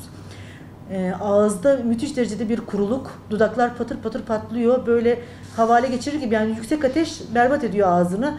6 gün tedavi gören çiftin eve çıktıktan sonra da şikayetleri azalmadı. Eve geldik 14 gün boyunca karantinadaydım. Mutfağım ayrıydı, banyom ayrıydı. Sağ olsun kızım var o hizmetimi yaptı. Her şeyi ayırarak yaptı hizmetimi. Ama bu sürede hastaneden beni eşim getirdi. O sürede herhalde eşim de kapmış olabilir. Tekrar ona geçti. O süreyi de atlattık. 22. günü tekrar benim evde Sırtımda ağrı başladı. Müthiş derecede bir ağrı ve yanma. Göğüste daralma, nefeste sorun yaşamaya başladım. Yani tek yastıklı yatamıyorsun. İki yastık, üç yastık üst üste koymak zorunda kaldım. Tekrar gittik kontrole. Bu sefer şaşırdılar tabii hastanedekiler de şaşırdı. Bu tedaviden sonra niye geçmedi diye. Bir tomografi çekildi. Orada da üç yerde tutulma olmuş. Ciğere inmiş. Gülümser Doğan da virüsü bulaştırdığı eşi de şimdi sağlıklı. O günleri hatırlamak bile istemiyorlar. O yüzden de herkes uyarıyorlar. Bizim gibi yaşasalar inanın kafalarını çıkarmazlar. Şeyden biz en üst çıkıyoruz. Efendim şimdi bir haber daha paylaşacağız. Şu anda misafirimiz geldi. 62, 63 ve 64. hükümetlerin başbakanı Gelecek Partisi lideri e, Ahmet Davutoğlu şu anda Çalar Saat'te. Efendim günaydın. Günaydın. Hoş geldiniz. Hoş bulduk teşekkür ederim. Bugün bütün gazetelerin ilk sayfasında siz varsınız aslında. Öyle mi? Şimdi Ne bir güzel. yandan MHP lideri Devlet Bahçeli'nin açıklaması. diğer yandan e, yine o fotoğraf. Aslında Hilal o fotoğrafımız hazırsa bir gösterebilir miyiz? İzleyicilerimizle paylaşalım. E, Ahmet Bey de görsün. Şimdi o fotoğrafta dört genel başkan yan yana. Gelecek Partisi lideri, Deva Partisi lideri, işte bir yandan Büyük Birlik Partisi lideri Desteci'yi de görmekteyiz. Ve İyi Parti lideri Meral Akşener. Dün burada biz Sayın e, Desteci'yi ağırladık. Bu fotoğrafı bana da gösterdi. Acaba dedim bu bir düğün fotoğrafı mı, yeni bir ittifak fotoğrafı mı? Şimdi haberimizi paylaşalım mı izleyicilerimizle? Sonrasında o fotoğrafı bir konuşalım ve aynı zamanda MHP lideri Devlet Bahçeli'nin Akşener'e Akşener'e yönelik olarak evine dön çağrısını. Bir vesileyle kopup giden her dava arkadaşımla helalleşmeye hazırım. Sayın Akşener'in böyle gitmeyeceğini, böyle ittifak olmayacağını, olsa bile bir ayağının çukura düştüğünü görüp derhal ve çok kısa süre içinde evine dönmesi doğru ve tutarlı bir davranış olacaktır. Biz zaten evimizdeyiz. Başkalarının kuyruğuna takılıp evin yolunu kaybedenler düşünsün. MHP liderinin Meral Akşener'e yönelik çağrısıyla ısındı siyaset. Akşener'e evine dön diyen Bahçeli'ye İyi Parti Genel Başkan Yardımcısı Ümit Dikbayır yanıt verdi. Ankara'da günün en dikkat çeken karesiydi bu fotoğraf. MHP'den ihraç edilen Erhan Usta'nın kızının düğününde İyi Parti Genel Başkanı Meral Akşener, Gelecek ve Deva Partileri Genel Başkanları Ahmet Davutoğlu ve Ali Babacan'la Büyük Birlik Partisi Genel Başkanı Mustafa Destici aynı masada. Düğünde çekilen bu kare ileride kurulacak olası yeni ittifakın da işareti olabilir mi yorumları yapılırken günün dikkat çeken çıkışı da MHP lideri Bahçeli'den geldi. Zillet İttifakı'nın 3 asıl ortağından ikisinin yani CHP ile örtülü ortak HDP'nin Ayasofya-i Kebir Camii Şerife menfi yaklaşımı ortadadır. Ancak İyi Parti Genel Başkanı son hareketiyle onlardan ayrışmış, ayrı düşmüştür. Meral Hanım'ın kendisi adına hayırlı bir gelişmedir. Geçtiğimiz günlerde İyi Parti Genel Başkanı Meral Akşener Ayasofya Camii'ni ziyaret etmiş, namaz kılmıştı. MHP lideri Bahçeli de o ziyaretten yola çıkarak Akşener'e Millet İttifakı'ndan ayrıl evine dön dedi. Evinde rahatı ve huzuru bulacaktır. İkbal ve İdbar arasında sıkışıp kalmak yerine kaldı ki zillete düşmektense evde olmak isabetli bir tercihtir. Ay harika ya. Ay canım benim. Meral Akşener tam bir yıl önce kucaklaşma zamanı diyen MHP liderine gülerek yanıt vermişti. Bir yıl aradan sonra Bahçeli bu kez Akşener'e evine dön dedi. MHP'ye mi davet etti? Siyaseti bırak mı demek istedi bilinmiyor. Efendim şimdi bu fotoğrafla başlayalım mı? Siyasette böyle ittifaklar çok çok konuşuluyor, tartışılıyor. Bir tarafta Millet İttifakı, diğer tarafta Cumhur İttifakı. İşte son kurultayda CHP lideri Kılıçdaroğlu'nun dostlarımızla iktidar olacağız açıklaması. Bu fotoğraf acaba farklı bir ittifaka mı işaret ediyor? Bir düğün fotoğrafı mı Tamam. yoksa? Ne dersiniz? Şimdi her şeyden önce böyle bir fotoğrafın bu kadar anlam yüklenecek hale gelmiş olması Türk siyasetindeki e, bir eğilimi gösteriyor. Bir düğünde ki Erhan Bey benim başbakanlığım döneminde yakın çalıştığım bürokratlardandı. Takdir ettiğim bir bürokrattır. E, devlet kültürü, çalışkanlığıyla temayüz etmiş bir arkadaşımızdır. Kızı da benim oğlumla birlikte üniversitede mezuniyet töreninde beraberdiler. Ayşe Şeyma. Onu orada görmüştüm. Uluslararası ilişkiler mezunuydu. Meslektaş olacağız deyince gel bir konuşalım dedim. Dolayısıyla kızıyla da hoca talebe ilişkisi gibi güzel bir ilişkimiz vardı. Erhan Ama Bey- öyle bir denk gelmiş ki. Evet, Erhan Bey davet edince gittim. Aslına bakarsanız işte mesele bu. Artık siyasiler düğünlerde ve cenazelerde yani toplumsal kesimin doğusunda batısında nerede olursa olsun düğün ve cenaze oldu mu her şey unutulur. Bayramlaşma oldu mu her şey unutulur. Ama maalesef Türkiye'de öyle bir şey oldu ki bazı liderler bazı düğünlere gidiyor. bazı liderler başka bazı düğünlere gidiyor. Cenazelerde ayrım var. En acısı son bayramlaşmada da olduğu gibi AK Parti ve MHP bizim bayramlaşma talebimizi reddettiler. Bakınız bayramlaşma konusunda bile artık kutuplaşan bir toplum düğün resmine haklı olarak bir şey yükler. Ee, bu resim dolayısıyla o gün düğün için bir araya gelmiş. Gönül isterdi ki bilmiyorum tabii ilişkileri şimdi nasıldır Erhan Bey ile Devlet Bey'in hani milletvekiliydi çünkü. Herkes orada olsun. Ne var yani düğünde bütün liderler bir araya gelse ve böyle düğünlerde bayramlaşmalarda bile parçalanmamış olsak. Neden böyle düğün- oldu efendim? e, bu kutuplaşma kültürü. Ben maalesef çok yakın dostlarımın e, düğünlerine acaba orada nasıl bir gerginlik olur diye yani siyasi olarak katıldığımızda tedirginlik duydum son 3-4 sene. Bazılarına da müdahale oldu bunu açık söyleyeyim. Yani müdahaleden kastım yani şöyle olsa böyle olsa beraber olunmazsa olunsa gibi bunlar çok yanlış şeyler. Ne olursa olsun düğünde, cenazede ve bayramda bir araya gelmeyi bari buralarda unutmamamız lazım. Ha o resme gelince davetliydik, katıldık. Orada da çok güzel, medeni bir sohbet de oldu. Ki bunlar bizim yabancımız değil, ben Meral Hanım'la. Çok eski hukuku var. Sara Hanım'la da yakın dostlukları vardı. Ta eski yani ben daha Başbakan, Dışişleri Bakanı olmadan önce giden bir dostluk. Ali Bey hayatımızın son 20 senesi beraber geçtiğimiz bir arkadaşımız, aile olarak da. E, desteciyle o- kadar şahsi kullanmasa da her bayramda, her yerde karşılıklı saygıyla davrandığımız insanlar bir araya geldiğimizde güzel bir sohbet oldu, tatlı bir sohbet oldu. Ama bunu bir ittifak işareti olarak görmek, bahsettiğim yanlış algıdan ve yanlış trendten, eğilimden ortaya çıkıyor. Düğünlerde, cenazelerde, bayramlarda hasımlar, düşmanlar dahi barışmalı bir araya gelmeli diye düşünürüm. Ve bunun içinde bu resme öyle özel bir anlam yüklenmesin. Türkiye'de siyasetin üzerinden, ittifakların üzerinden çok sular geçeceği kanaatindeyim. Ne Cumhur İttifakı ne Millet İttifakı. Ve bu yapıları söyledim de Soğuk Savaş kültürünün sonuçları gibi bir sonuç, bir, e, tablo var. Biz bunu değiştirmeye geliyoruz dedim Gelecek Partisi'ni kurarken. Evet, Türkiye bu Soğuk Savaş kutbu gibi iki kutbu ayrılmış siyasetten çıkmalı. Dün zaten Sayın Destici'ye sorduğumda yok yok bir anlam yüklemeyin. O da bir düğün fotoğrafı demişti. Yo ben ama şunu da söylüyorum. Yani bu liderlerle ve başka liderlerle her zeminde bir araya gelirim. Türkiye meselesini konuşmak gerektiğinde arkamda en ufak bir e, ön yargı, bir e, hani sitem bırakmaksın herkesle konuşurum. Herkesle konuşurum ve bir araya gelmemiz de hem doğal hem gerekli görülmeli. Bir araya gelinemiyorsa niye bir araya gelinemiyor diye sorulmalı. 90'lı yıllarda aynı açık oturumlarda buluşan liderler, karşılıklı nezaketle birbirine konuşan liderler şimdi niye bir televizyon ekranda aynı masa etrafında olamıyorlar diye sorulmalı. Niye bayramlarda, milli ve dini günlerde dahi birbirleriyle selamlaşırken asık suratlarla selamlaşıyorlar diye konuş, düşünülmeli. Sorulması gereken soru bu. Esas siyaseti de, kültürümüzü de yozlaştıran mesele birbirimize olan nezaketi kaybetmek Bugün seçmiş olduğumuz başlığa da aslında çok uyuyor. Birliğe ihtiyacımız var. Bir Evet. yandan koronavirüsle Tabii. mücadelede birliğe Tabii, ihtiyacımız tabii. var. Ama aynı zamanda iç cephede de bir birliğe ihtiyacımız var.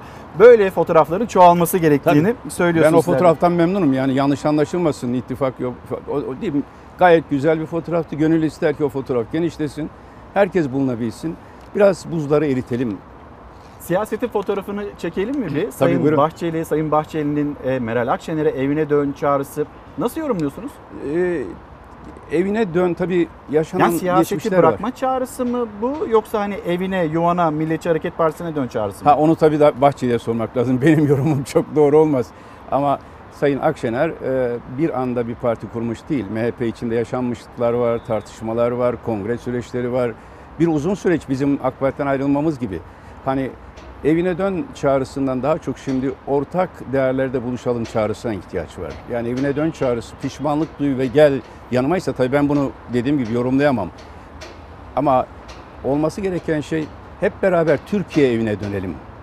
Ben bu çağrıyı doğru bulurum. Türkiye evine dönelim. Bu vatana dönelim ve Türkiye evinin çatısı altında beraber buluşalım.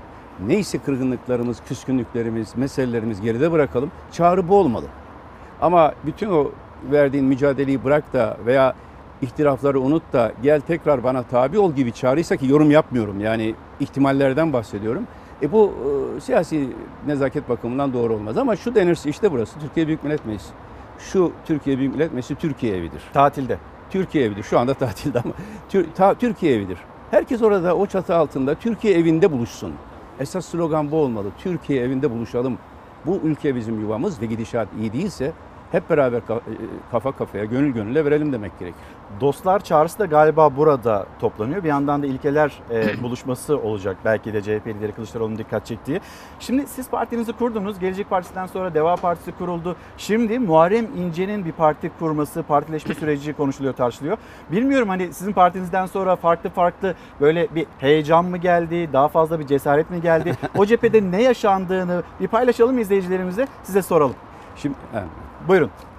Benim ağzımdan kurultay diye bir şey duyarsanız o zaman konuşursunuz ama duyamayacaksınız. Yeni yüzlerle parti kuracağım. Yılbaşına kadar parti kurmuş olacağız. 37. olağan kurultay CHP'nin iktidara yürüyüş kurultayı bu tür üretilen haberlerle CHP'nin, CHP'li milletvekillerinin, yöneticilerin, delegelerin ve üyelerinin kaybedecek zamanı yoktur. CHP yönetimiyle yollarının ayrı olduğu biliniyordu ama partisiyle de yolunu ayıracağını Sözcü gazetesinden Saygı Öztürk'e açıkladı Muharrem İnce.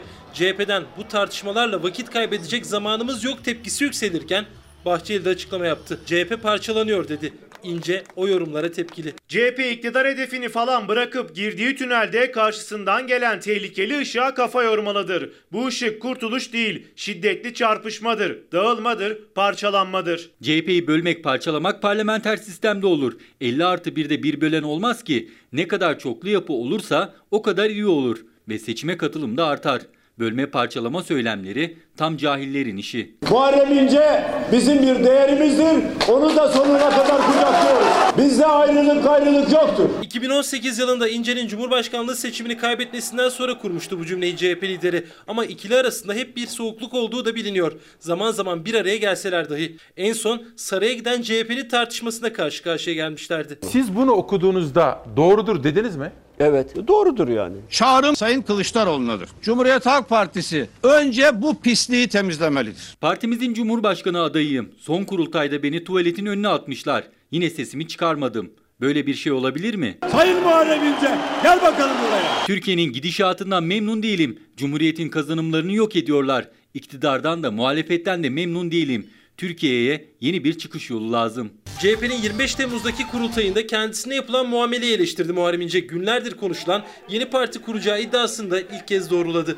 Yılbaşına kadar yeni partiyi kuracağım dedi. Siyasette yeni yüzlerle ortaya çıkacağım. Yepyeni, alanında uzman, daha önce siyaset yapmamış, memleket sevdalısı bir kadroyla yola çıkacağım. Kendi partisindeki dostlarını unutmuş olan Kılıçdaroğlu mu dostlarla iktidar olacakmış? Uzak dostlarına bakacağına partideki dostlarına el atmalı. Yerel seçimlerdeki başarı ne Kılıçdaroğlu'nun ne de CHP'nin başarısı. Bu başarı adayların ve Kürtlerin başarısıdır. Kürtler bize bu seçimi hediye etti ama Kürtlere bir teşekkür bile edemediler. CHP'de sular durulmaz, nitekim kaynayan tencere kapak tutmaz. Sayın İnce, ince ince siyasi hedeflerini dokuyor. Bu da CHP yönetiminin kanına dokunuyor. Bahçeli tartışmaya girdi ama AK Parti CHP içindeki yeni parti tartışmasında henüz sessiz. CHP lideri Kılıçdaroğlu da. Efendim bir hareketlilik var siyasette. Şimdi Cumhuriyet Gazetesi mesela siyasi manevralar manşetini atmış. Bugün bütün gazetelerin ilk sayfasında Muharrem İnce'nin e, yine partileşme çalışmaları. Sizden sonra mı oldu? Şimdi bu gelişmelerde iki şeye dikkat etmek lazım. Birincisini genel sonra da bizimle ilgili olana geleyim. Geneli olan şu bir ülkedeki siyasi bir kriz varsa, bir ekonomik kriz varsa yeni arayışlardan daha doğal bir şey yoktur. Ee, aynen 2001'de olduğu gibi hatırlayacaksınız o zaman da İsmail Cem Kemal Derviş, AK Parti birçok yeni siyasi arayışlar başlamıştı. Çünkü ülkede büyük bir kriz vardı. Bir kere bu yeni siyasi arayışlar bir şeyin endikasyonu, göstergesi. Ülkede bir yeni arayışlara ihtiyaç hissettiren bir kriz ortamı var. Bunu görmemiz ve tespit etmemiz lazım.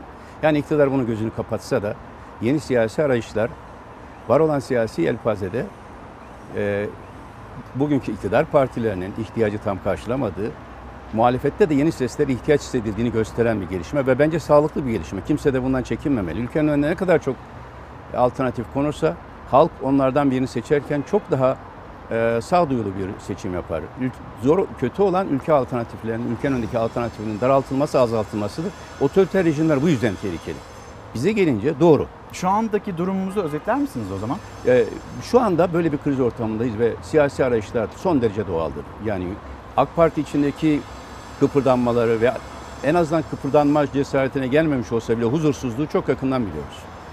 Bu huzursuzluğun ortaya çıkardığı bir dinamizm vardı bir zamandır. Biz o dinamizmi önce parti içi bir mücadeleyle şey yap, sür- başlattık.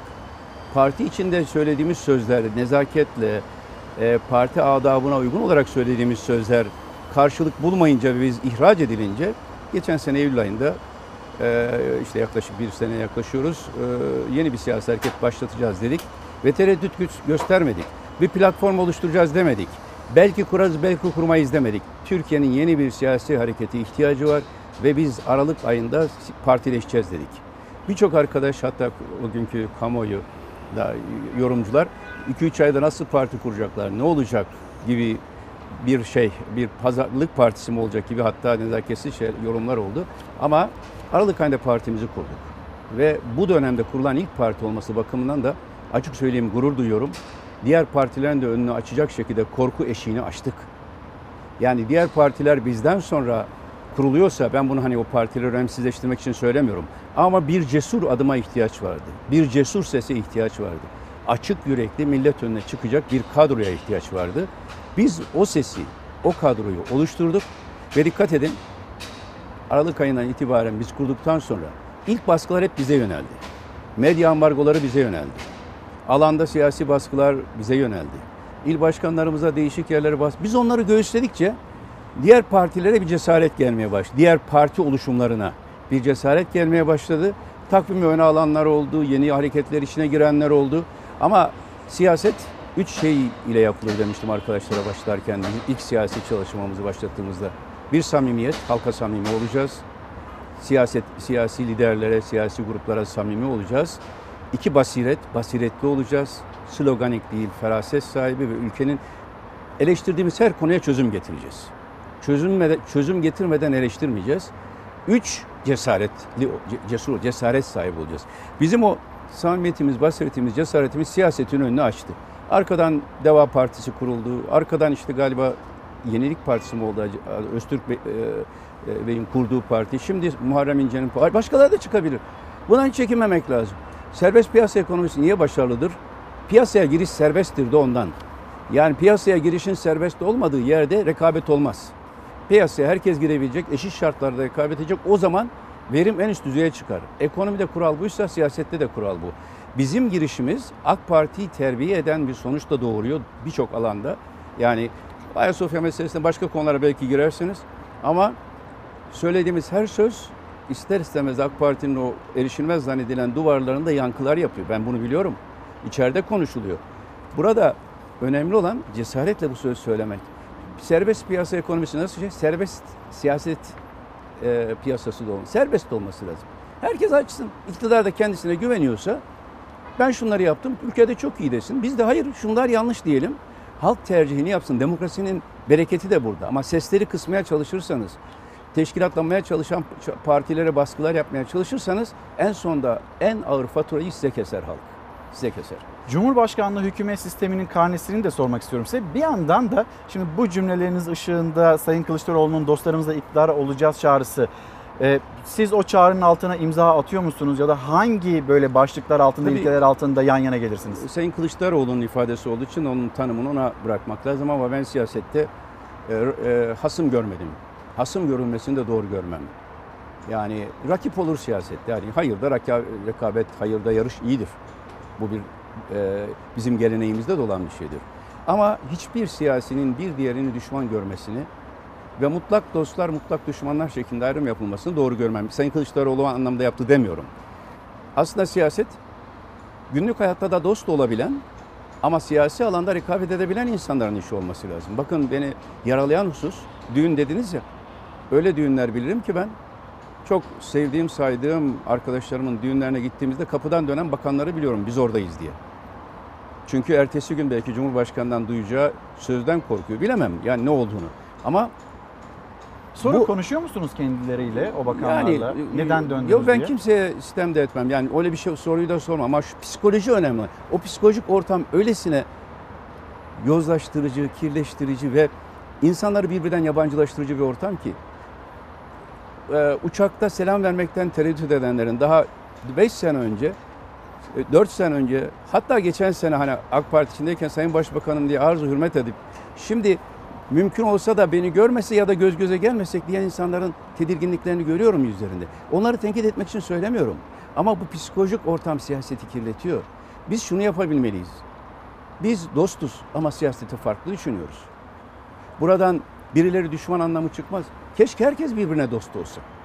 Ben en yakın dostumlarım olarak gördüğüm insanların bugün bize dönük yaptıkları hakaretleri gördüğümde sadece üzülüyorum. Şimdi önce Türkiye'yi nasıl Türkiye Büyük Millet Meclisi Türkiye evi burasıdır diyorum. Türkiye'yi de bir dostlar meclisine döndürmek lazım. Hepimiz bu ülke için dostuz. Ama farklı düşünerek, farklı yöntemlerle ülkeye hizmet etmek istiyoruz. Bu noktaya bu ülkeyi getirmek lazım. Sayın Cumhurbaşkanı'nın kutuplaştırıcı ve Cumhurbaşkanı hükümet sistemi karnesi işte burada. Cumhurbaşkanı hükümet sistemi siyasetin doğasını bozdu. Kutuplaştırdı. Var olan kutuplaşmayı daha da artırdı.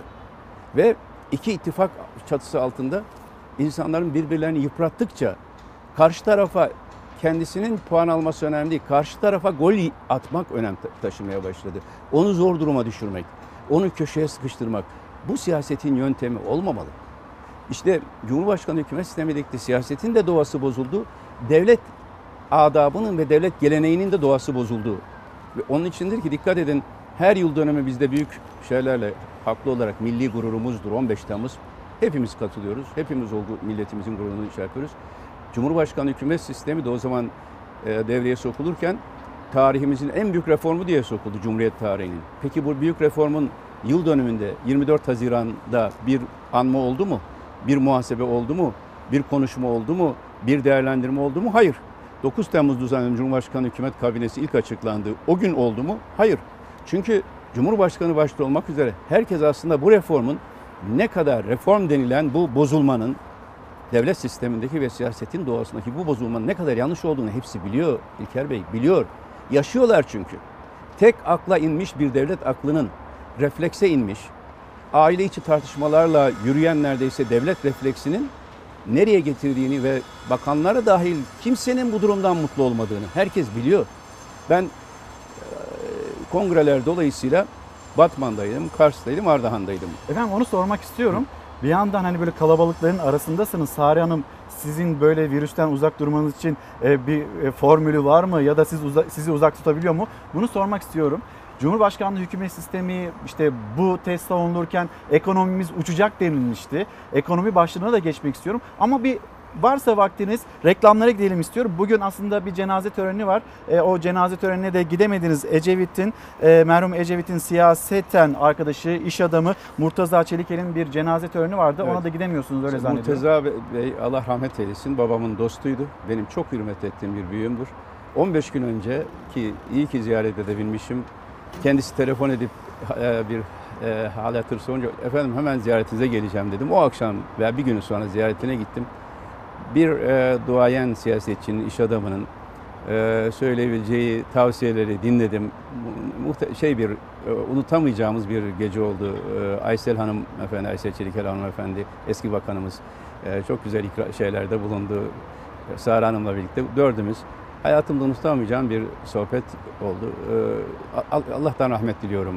Mekanı cennet olsun. Allah rahmet eylesin. Bugün Ankara'daki çok önceden ayarlanmış bazı şeyler dolayısıyla programları değiştiremediğim için yetişmem çok zor olacak. Biri de bu programdı. Ama tabii e, dualarımızdadır. E, Türk siyasetine e, ve özellikle de iş dünyasına e, önemli katkıları olmuş. İyi büyük bir sanayici ve önemli bir e, siyasetçiydi. Ve açık sözlü, yürekli bir insandı. Allah rahmet eylesin. Aysel Hanım başta olmak üzere bütün yakınlarına da e, taziyelerimi sunuyorum. Efendim şimdi bir mola verelim. Reklamlara gidelim. Reklamların dönüşünde devam edeceğiz. Ekonomiyi acaba Ahmet Davutoğlu nasıl yorumluyor? Efendim devam ediyoruz. Konuğumuz 62, 63 ve 64. hükümetlerin başbakanı, Gelecek Partisi'nin lideri Ahmet Davutoğlu. Efendim az önce böyle siyaseten baktık nasıl bir iklim olduğuna. Bir de böyle Cumhurbaşkanlığı hükümet sisteminin ekonomik hanesini değerlendirmenizi isteyeceğim. Şimdi muhalefete bakıldığında tablo iyi değil. Ama hükümet cephesine bakıldığında işte tarihi bir dönüm noktasındayız demekte. Hazine ve Maliye Bakanı gelişmelerin pozitif olduğunu söylüyorlar. Bir yandan da son dakika gelişmesi var onu da aktarayım. Hazine ve Maliye Bakanlığı Mali Suçları Araştırma Kurulu Başkanı Osman Dereli Cumhurbaşkanlığı kararnamesiyle görevden alındı ve bu karar da resmi gazetede yayımlandı. Nasıl yorumluyorsunuz ekonomiyi? Şöyle tarihi dönüm noktası ibaresi o kadar çok yer aldı ki son 4 yıl içinde. Referandum geçti, tarihi dönüm noktası. Seçim yapıldı, tarihi dönüm noktası. Yeni ekonomik program açıklandı, tarihi dönüm noktası. Ekonomi uçuyor mu? Yani oraya geleceğim. Bu arkadaşlar dönüm noktasında durmaktan bir türlü tarihe gelemiyorlar. Hep dönü- dönüyorlar. Aynı kendi gerçekleri etrafında dönenler tarihe gelemezler. Tarihi gerçeklere gözlerini kapatırlar. Halkın gerçeklerine gözlerini kapatırlar. Hep dönüm noktasındalar onun için. Bir pembe dünya yaratmaya çalışıyorlar. Halkın içine girmedikleri için görmüyorlar. Bakın kongreler vesilesiyle geçtiğimiz hafta Batman'daydım. Ben gittiğimde başbakanken de öyle herkes bilir. Resmi şeyler bittikten sonra halkın arasına girer gezerim. Çoğu zaman yakın koruma olarak da sayıyı minimuma indiririm. Batman'da çarşıyı baştan sona bir 500 metre kadar yoğun alanda iki saatte zor yürüdüm.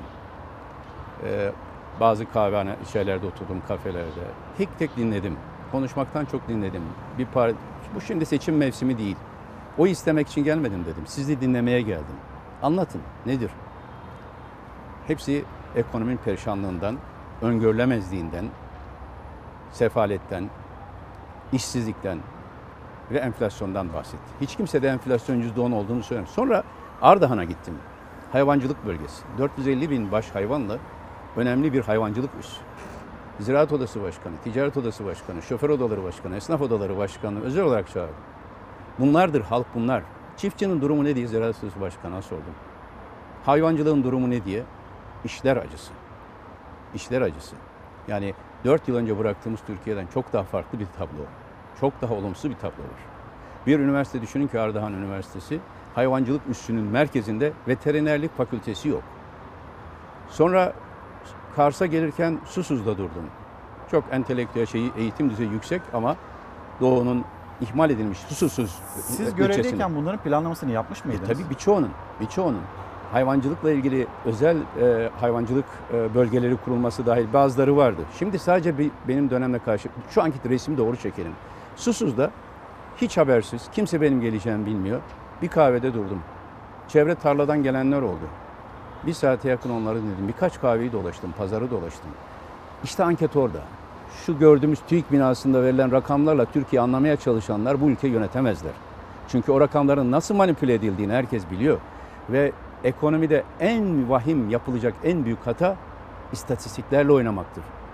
2011'de Yunanistan'ın Avrupa Birliği'nden neredeyse dışlanacak şekilde yaşadığı ekonomik krizin sebebi istatistik verilerinin sağlam olmamasıydı.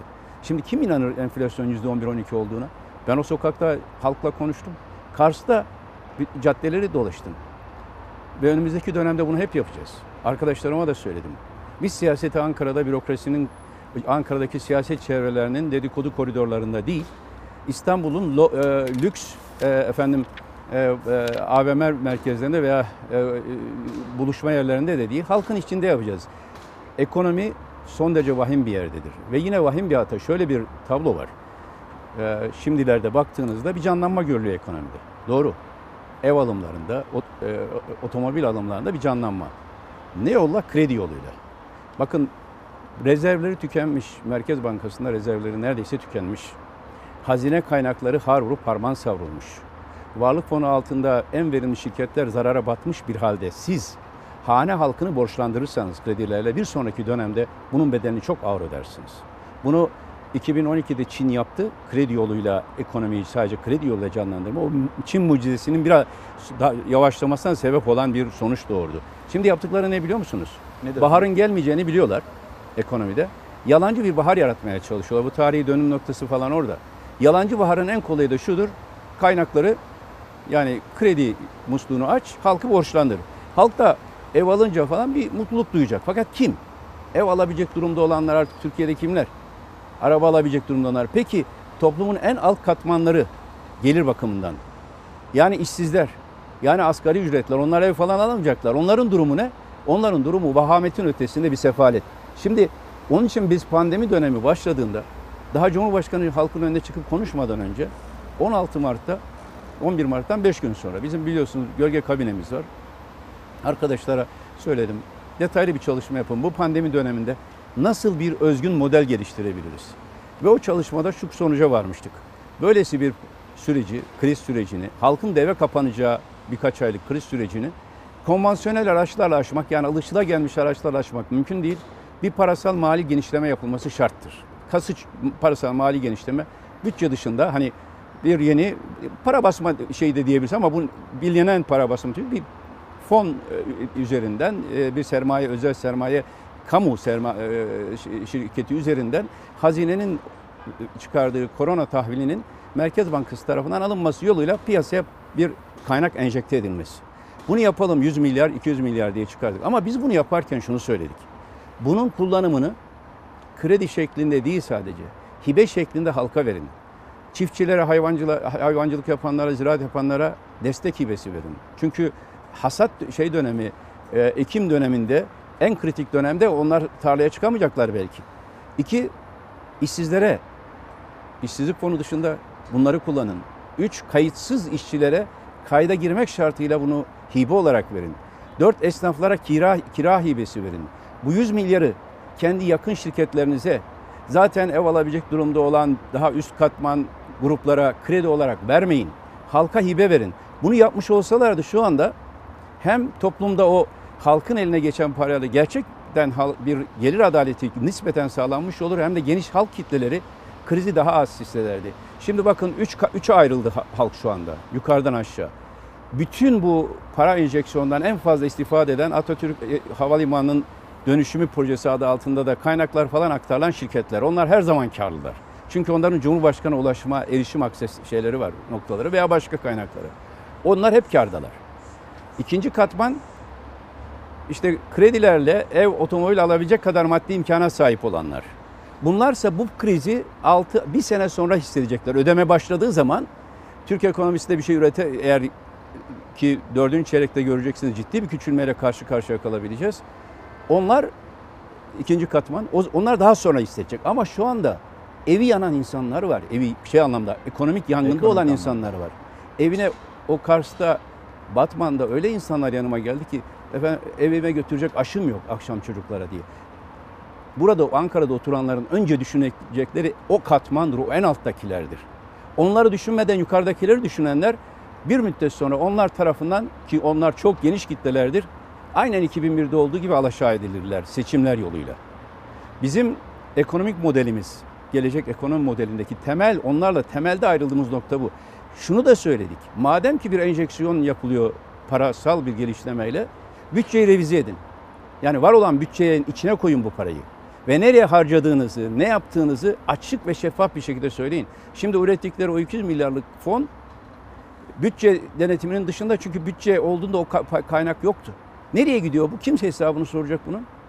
Ama bu para bir müddet sonra eğer doğru kullanamazsa enflasyon olarak gelip vuracak. Çünkü parasal genişleme doğru kullanılmadığı zaman ve sürdürüldüğü zaman konvansiyonel olmayan alışılamamış bir olağanüstü bir tedbir olarak bir dönem kullanırsınız sonra bir daha yapmazsınız. Ama bunlar şimdi buna alışacaklar biliyorum.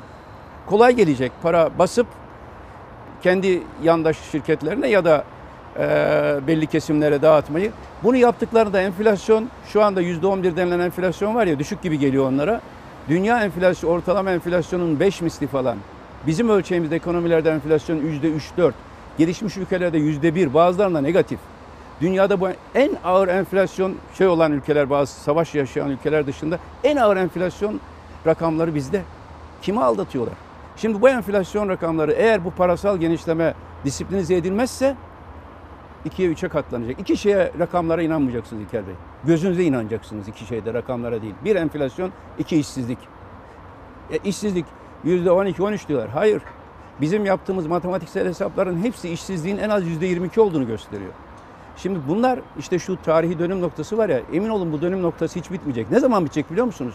Sandık geldiğinde o zaman tarihi dönüm noktası yaşanacak ve 2001'de halktan kopmuş bir iktidar nasıl bir hesap vermek durumunda kaldı halka? Benzer bir hesap verecekler. Bunları eski partim olmak bakımından bir şeyle söylüyor değil mi Öykü? Uyarıyorum onları.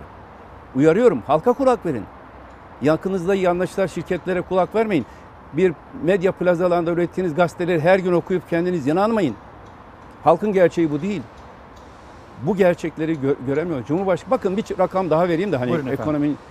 Başbakanlığı ben bıraktığımda CDS rakamı yani ülkenin risk primi 200'ler civarındaydı. Ve biz Rusya'dan, Güney Afrika'dan, Brezilya'dan ve Hindistan'dan daha iyi bir durumdaydık. Yani bir yatırımcı bu rakama baktığında Rusya'ya, Güney Afrika, Brezilya, Hindistan'a yatırım yapacağım ama geleyim Türkiye'ye yatırım yapayım derdi. 200'lerdeydi, 220'lerdeydi. Yine yani 200'leri hiç geçmedi. Cumhurbaşkanı hükümet sistemi geldiğinde 300'leri çıktı. İki sene sonra. 300'lü, 350'ler 60'lar. Şimdi de 600'lerde, 600'lerde. Ve dünyanın en riskli ülkesi kategorilerine girdik biz. E, küme olarak hani Süper Lig'de değildik belki, birinci ligdeydik. İkinci lige düşürdüler. Biz ayrıldıktan 1-2 sene sonra. Yetmedi Cumhurbaşkanlığı sisteminden sonra amatör kümeye düşürdüler bu ülkeyi. Amatör kümeye. Yani bugün yatırımcı baktığında dünyada para bol. Söyleyeyim para yok değil. Özellikle bu parasal mali genişleme Avrupa Birliği'nde Amerika özellikle büyük mali şeye yol açtı. Yani bir parasal kaynak var.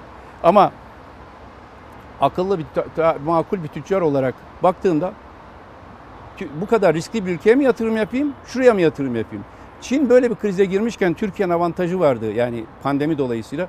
Bütün Avrupa Birliği'nin, Avrupa'nın ve ülkelerin önemli üretim şeylerini, üstlerini Türkiye'ye çekmek. Bırakın önemli üretim üstlerini Türkiye'ye çekmek. Hani Türkiye bir üretim yapısı haline dönüştürmek. Türkiye'deki üretim yapan firmalar birer birer Japon firmaları teker teker işte Avrupa firmaları Volkswagen birçok firma teker teker terk ediyorsa ülkeyi oturup bir ellerini alıp düşünmeleri lazım. Nereye götürüyoruz bu ülkeyi diye. Yani yüreğim yanı, yandığı için bu kadar net, bu kadar bazen sert konuşuyorum.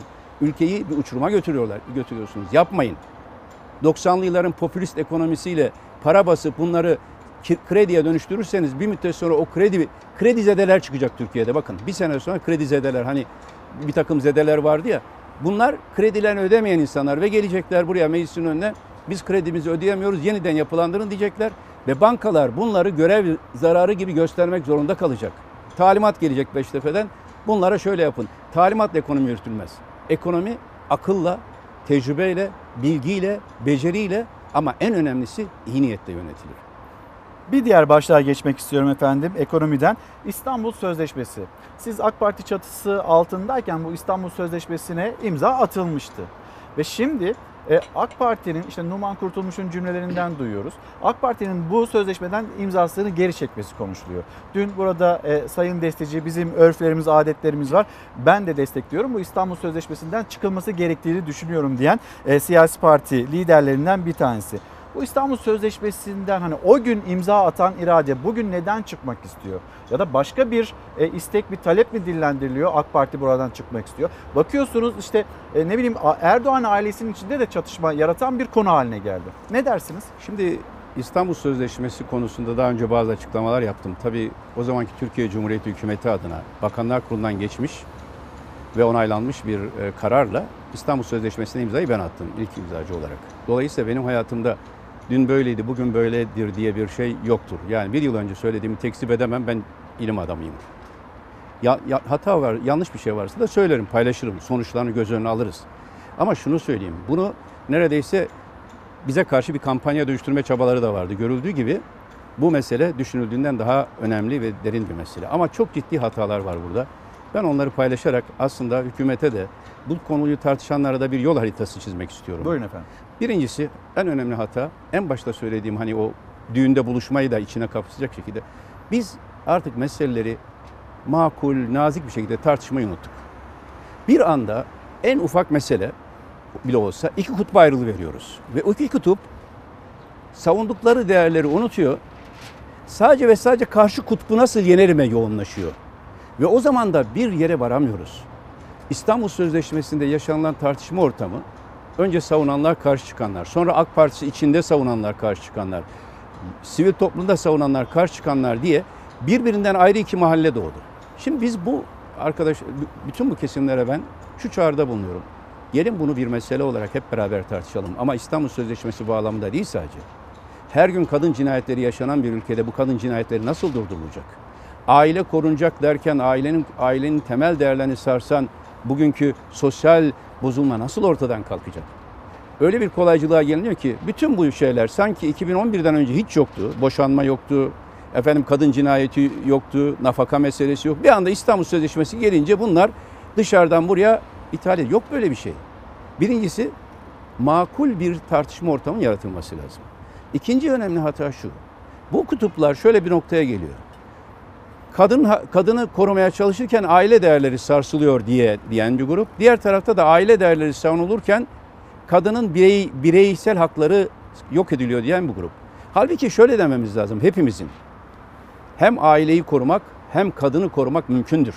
Hatta daha ötesini söyleyeyim. Kadını korumadan aileyi koruyamazsınız. Kadınlar sokakta can derdindeyken siz ailenizin içinde rahat edemezsiniz. Kadınlarımızı korumadan aileyi koruyacağımızı düşünmemeliyiz. Önce hepimiz kadına karşı şiddet konusunda tek yumruk olabiliyor muyuz? Bu İstanbul Sözleşmesi ile ilgili üçüncü önemli, şimdi buraya gelelim ilk hata şu, yöntem hatası. Varsayım hatası ve yöntem hatası. Bu çevreler kadına karşı şiddet, bütün bu tartışmada bu konularda alınacak tedbirleri konuşmaktansa bir suçlu bulundu. Ve şöyle düşünüldü, İstanbul Sözleşmesi sanki bir torba yasa gibi. İçinde her şey var ve, ve toplumsal dokuyu bozuyor. Herke, her şey önce şunu görmeler lazım. Hani top, torba yasaya şeyde mecliste şu meclisimizde ben son vermek için çok çaba sarf ettim. Yani içine her şeyin gir. İstanbul Sözleşmesi bir torba yasa değil.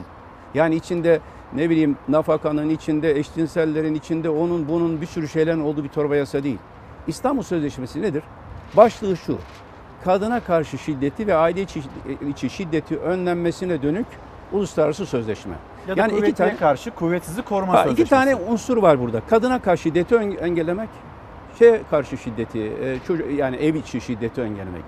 Esas bu. Bütün diğer maddeler bu temel hedefe uygun olarak yorumlanır ve onun dışında yorumlanmaz. Sözleşmelerin ana mantığı budur.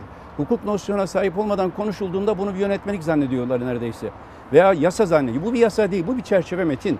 Ve her ülke bu çerçeve metni kendine göre uygular. Ve dibacesinde diyor ki erkekler, kadınlar ve çocuklar yani hani LGBT falan denmiyor. Erkekler, kadınlar ve çocuklar ve başka bir şeyden bahsedilmiyor. Korunmasına dönüktür diyor. Bazen de aile içi şiddetin mağduru erkek olabilir. Bazen çocuk olabilir. Bunları zaten çocuklarını koruyamayan bir toplum Allah aşkına aileden bahsedebilir mi? Şimdi buradan geldiğimizde diğer bütün maddeler bununla yorumlanır. Başka ek bir şey çıkarılmaz. LGBT konusunda sanki meşrulaştırıyor gibi bir şey de o. Bu da yöntem şey hatası. Şöyle diyelim.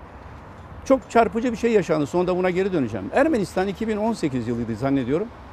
Şeye başvurdu. Viyana e, e, e, Venedik Komisyonu'na, Venedik Komisyonu'na. Venedik Komisyonu şudur.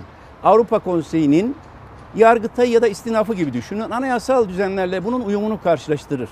Ve ülkeler oraya başvururlar sözleşmelerle ilgili. Ermenistan başvurdu ve dedi ki ben işte LGBT de içinde olmak üzere anayasamda bunun arasında bir şey görüyorum. Yorum yapın bana dedi. Konseyin sözleşmesini yorumlayın. Venedik Komisyon cevabı şu.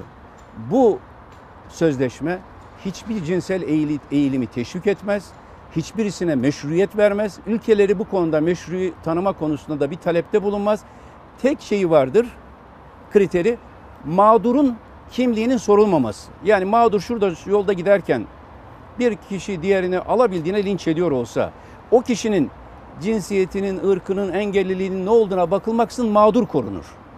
Kastedilen dördüncü maddenin üçüncü fıkrasında kastedilen budur ve başka bir şey değil. Orada da Türkçe çeviri hatasından kaynaklanan bazı hususlar var. Teknik detaya girmek istemiyorum. Peki efendim o zaman niye? Yani niye bu imza çekilmek şimdi, isteniyor? Ha, şimdi dolayısıyla burada bunu, bu konular şey olmadan Türkiye'de madem ki şu eğilim de bir takım riskler var sorumlu aranıyor. Halbuki Türkiye'de LGBT ile ilgili dernek 2005'te kuruldu. Yani ortada İstanbul Sözleşmesi yok. Şimdi bu şeyden bu kolaycılıktan çıkmak lazım. Konuyu aileyi korumak bizim en temel ilkemizdir. Bu konuda hiçbir tavizin verilmesini ben ne şahsen ne Gelecek Partisi olarak hiçbir şekilde müsamaha göstermeyiz. Ama bu sözleşme dışındaki unsurları göz ardı edip bu sözleşmede ana mesele kadına karşı şiddetin engellenmesi iken bunu göz ardı ederek buradan başka şeyler o dediğimizi yapalım, başvuralım. Başka önemli bir şey de şu, bu süreci, tarihi süreci takip edememekten kaynaklanan. Zannediliyor ki şey bir milat, İstanbul Sözleşmesi. Hayır. Kadına karşı şiddetle ilgili ilk yasa 1998 4320 sayılı yasa. Biz bunları o zaman Bakanlar Kurulu'nda hep değerlendirdik. Aile Sosyal Politikalar Bakanı o zamanın o zaman Fatma Şahin, Adalet Bakanı e, hep beraber Sadullah hep beraber bunlar Bakanlar Kurulu'na sunuldu. Bunlar hep konuşuldu. Mesele nedir biliyor musunuz? O zaman İstanbul Sözleşmesi'ne benim de imza atmamı hükümetin de imza atmasına sebep olan ve bu mecliste bu İstanbul Sözleşmesi bir muhalif oy bile olmaksın iktidar ve muhalefetin ortak imzasıyla geçti. Yani, yani Sayın Recep Tayyip Erdoğan'ın imzasıyla giden bir e, sözleşme bak, başbakan olarak buradan onayla bir çekimsel oy var. Onun dışında yok. Şimdi süreç şudur. Ne bu Türkiye'ye dayatıldı bu ne de Türkiye yazdı bunu. Biz de yazmadık, bize de dayatılmadı. Bizden de bir e, profesörün, Profesör Feride Acar'ın olduğu 2008'de kurulan bir komisyon. Bunu hazırladı. Tam da biz Bakanlar Komitesi Başkanı iken ben Türkiye adına masaya geldi. Biz de o sırada bakın utanç verici bir şeydir. Bunu konuşmamız lazım. Nahide Opuz davasını konuşuyordu dünya ve Avrupa. Nedir Nahide Opuz davası? 1995'te eşinden şiddet gören e, Nahide Opuz devlete başvurur beni koruyun der. 7 yıl devlet koruma vermez. Ve sonra Nahide Opuz'un annesi kocası tarafından öldürülür ve bu konu Avrupa İnsan Hakları Mahkemesi'ne gider ve Avrupa'da kadını koruyamadığı için ilk tazminata mahkum olan Türkiye diye bir kara leke vardı üstümüzde o zaman. Ve toplum siyaset bunu bildiği için İstanbul Sözleşmesi üzerinden kadına karşı şiddet konusunda öncülük eden bir ülkeyle itibarımızı kurtarmaya çalıştık. Birisinin diktesi de söz konusu Türkiye'de yazmadık. 47 ülkenin temsilcilerin oluşturduğu bir müzakere masası bu. Orada kimisi bunu önem veriyor, kimisi başka bir şey bir metin çıkıyor. Ama her ülke bu metni kendisine uyarlama hakkına sahip. Şimdi burada sorun esas bugün İstanbul Sözleşmesi'nden şikayet edenlerin şikayet ettikleri hususlarla ilgili nirengi noktasına geliyorum. Bunların çoğu İstanbul Sözleşmesi ile ilgili değildir. 6284 sayılı yasayla ve uygulamayla ilgilidir. İstanbul Sözleşmesi 2011 Nisan'ında e, imzalandı bizim tarafımızdan. Kasım'da onay yani meclis bütün partilerle onaylandı.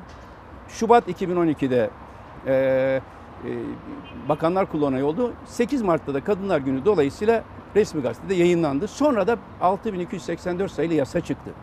Evet bugün İstanbul Sözleşmesi'nden şikayet edenlerin veya bazı hataları ona hamledenlerin bazı şikayetleri haklı gerekçelere dayanıyor ama bu burada yine bir şey daha düzeltmek lazım.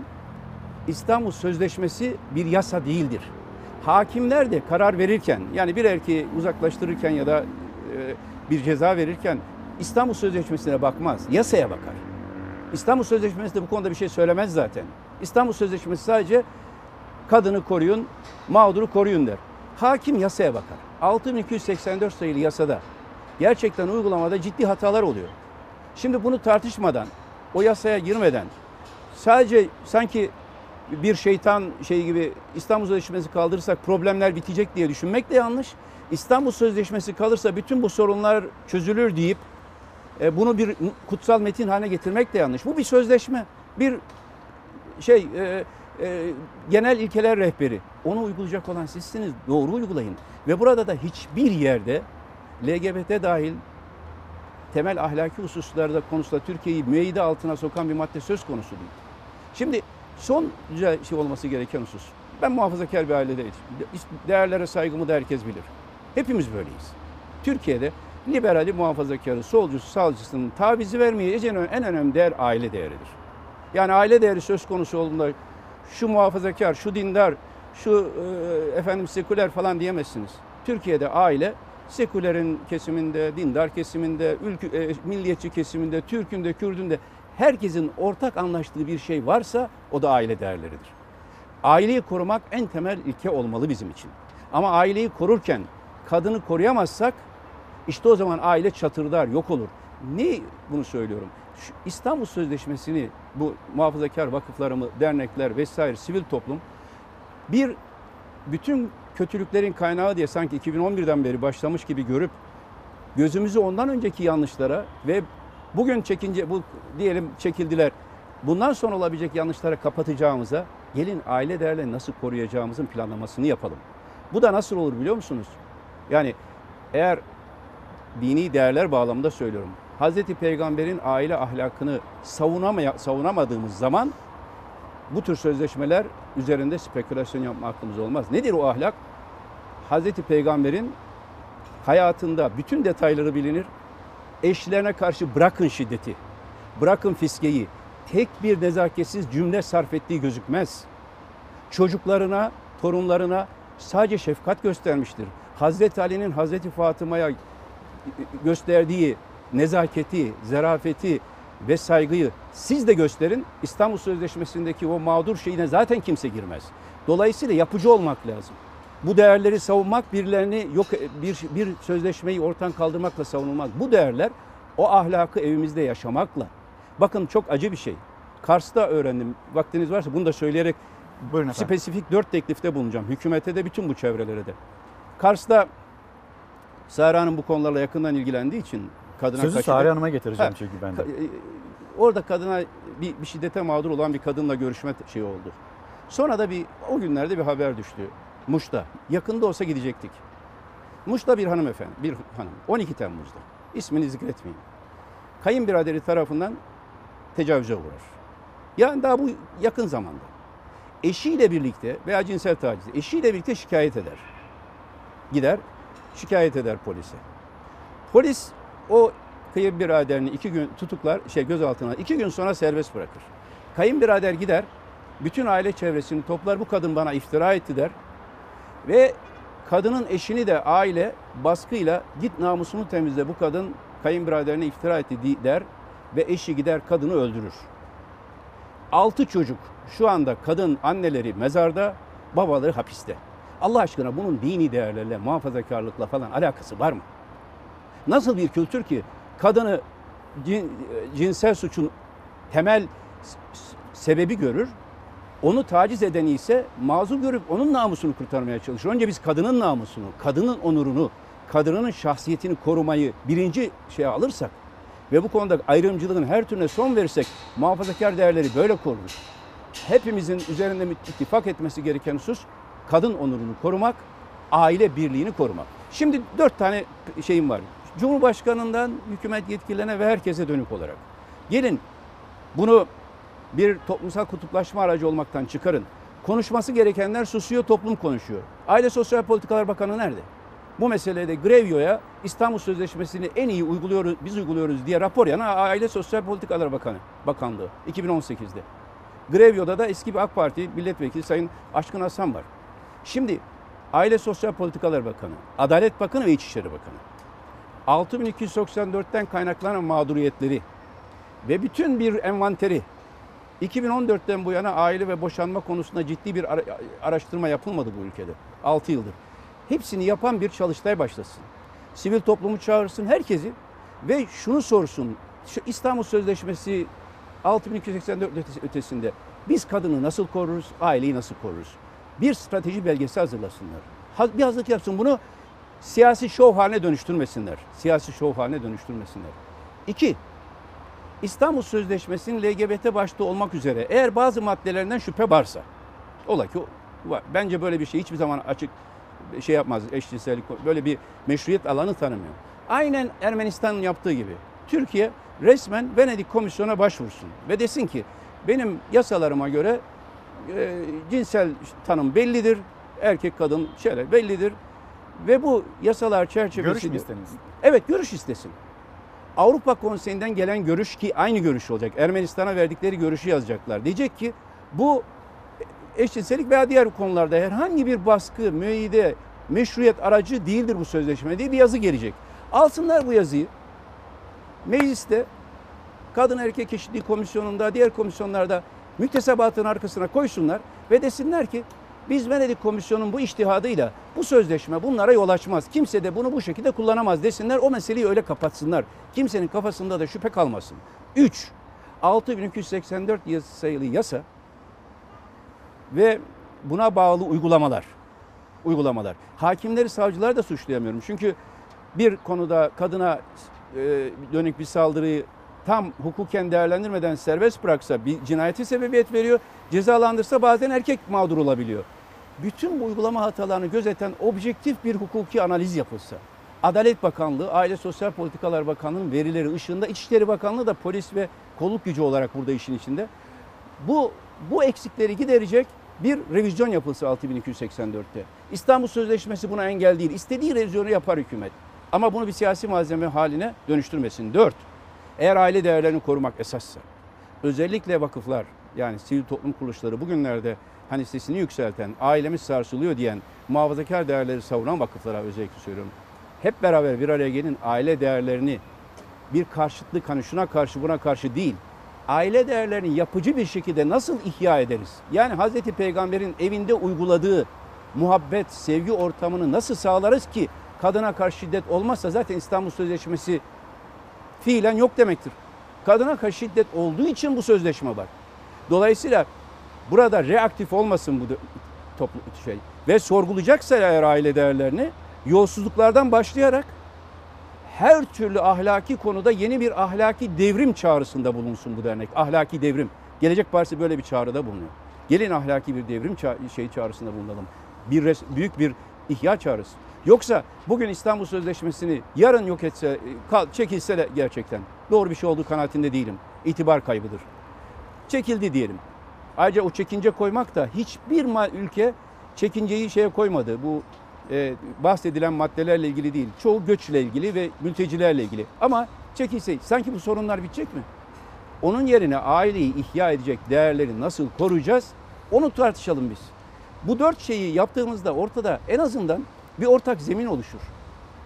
Ve kutuplaşma azalır diye düşünüyorum. Bu, bu konuda herkesin samimi olması lazım. Açık yürekli ve cesur olması lazım.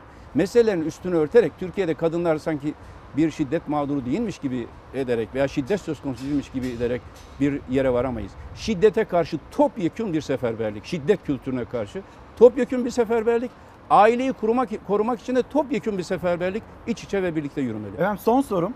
Sare Hanım'ın yasaklarını nasıl deliyorsunuz? Bu kadar kalabalık içinde. Kısacık bir değerlendirme isteyeceğim sizden. Şimdi neden yapıyorsunuz bunu? Ya bir hekimle evli olmanın doğal şartlarından biri her gün güzel bir e, yasak demeyeyim ama bir e, sevimli bir otorite ortamında yaşamaktır ve bunun ben şeyini çok gördüm faydasını ve e, ona müteşekkirim hayatım boyu hep gözetti. E, bunun yani başbakan olarak mitinglerde o herkesin şey olduğu artık tanıdığı özel e, çay şey içi bitkisel çay da dahil olmak üzere şimdi de çok özel bir e, çaba gösteriyor sağ olsun ama kendisi de risk grubunda çünkü doktor. Evet. Her gün hastaneye e, işte son 48 saat içinde 3 doğum 4 doğum yaptı ben buraya geldikten sonra yaptırdı.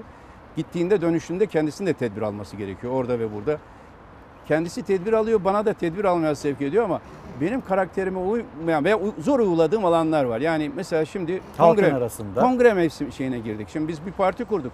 Bu partinin yapılanması lazım. Pandemi şartları dolayısıyla kongreleri ertelerseniz insanların motivasyonu zayıflar. Ve birileri de bunu istismar eder. Bakın örgütlenemediler bile diye. Şimdi süratle kongreleri yapmak durumundayız. Batman, Siyaseten Ardahan, istismar olmasın diye risk alıyorsunuz. Siyasete istimhal bir de bu yapıyı kuracaksınız. Ben bir yola çık çıkıncaya kadar düşünürüm ama çıktığımda arkama bakmam önüme bakarım. Ve şu ana kadar Gelecek Partisi'nin verdiği her tarih uygulanmıştır. Aralıkta parti kuracağız dedik kurduk. Haziran'da ilk kongreyi başlatacağız dedik il- ilçe kongresini başlattık. Ağustos'ta ilk e, Temmuz'da ilk ilk kongresini başlatacak dedik. Başlattık. Batman, Ardahan, dün de Şanlıurfa'yı yaptık. Şimdi mesela program yarından sonra Alanya'da ilçe kongremiz var. Daha sonra Diyarbakır İl Kongresi, Bartın, Van, Ankara, İstanbul, Bursa arka arkaya gelecek. Yoğun E şimdi bir Sahra Hanım'ın en önemli şeyi şu, e, başta uçaklara muhalefet ediyordu. Hani uçak yerine karayoluna gidin. Baktı ki karayolda bu sefer otelde kalmayı gerektiriyor. Şimdi iyi tedbirlerle uçağa biniyoruz. Yanımdan da sağ olsun ayrılmıyor. Halkın içine girdiğimizde kollamaya çalışıyor ama orada işte bizim halkımız sevdiği birini görünce sarılmak istiyor. Artık Başarabildiği kadarıyla. Yani olabildiği kadar. Efendim çok teşekkür ederim. Sağ olun, çok sağ çok olun. Gelecek Partisi lideri Ahmet Davutoğlu konuğumuzdu. Hem siyasete baktık hem ekonomiye baktık. İstanbul Sözleşmesi uzun uzun konuştuk ne olduğunu çünkü toplum bunu konuşuyor, anlamaya çalışıyor. Kendisine çok teşekkür ediyorum. Çok sağ olun. Ben teşekkür Bir ekonomi haberi paylaşacağım ve eğitimi konuşacağız. Zam geldi ya.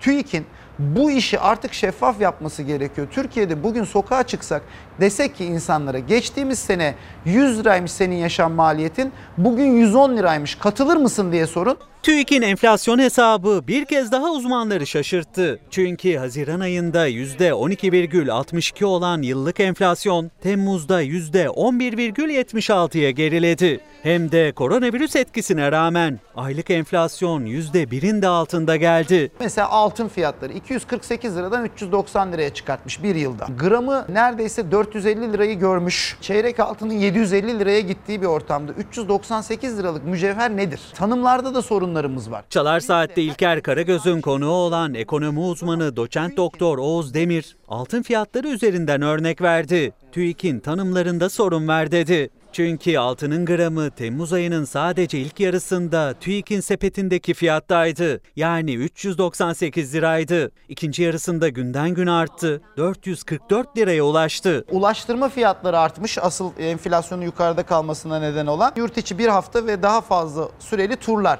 Fiyatı Temmuz'da Haziran'a göre %61 artmış. Ondan sonra en fazla fiyatı artan şey yumurta.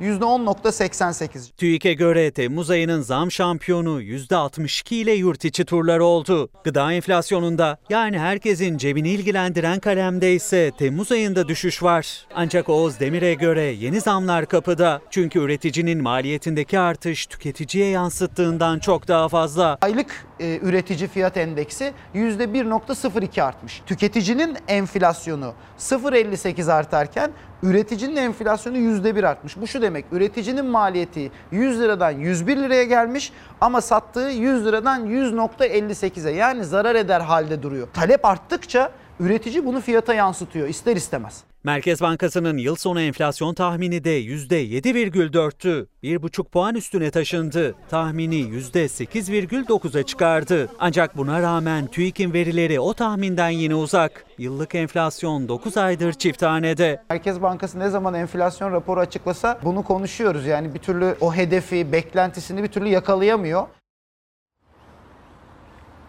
Bol konuklu bir yayın gerçekleştiriyoruz. Şimdi de konuşmak istediğimiz şey e, eğitim. Bir yandan gençlere, öğrencilere moral vermemiz gerekiyor. Diğer yandan e, tercihler dönemi başlıyor ve eğitim uzmanı Öztuna Norman da şu anda misafirimiz. Öztuna Hocam günaydın. Hoş geldiniz. Hemen ben bir Milliyet Gazetesi'ni okuyayım Hay izleyicilerimize.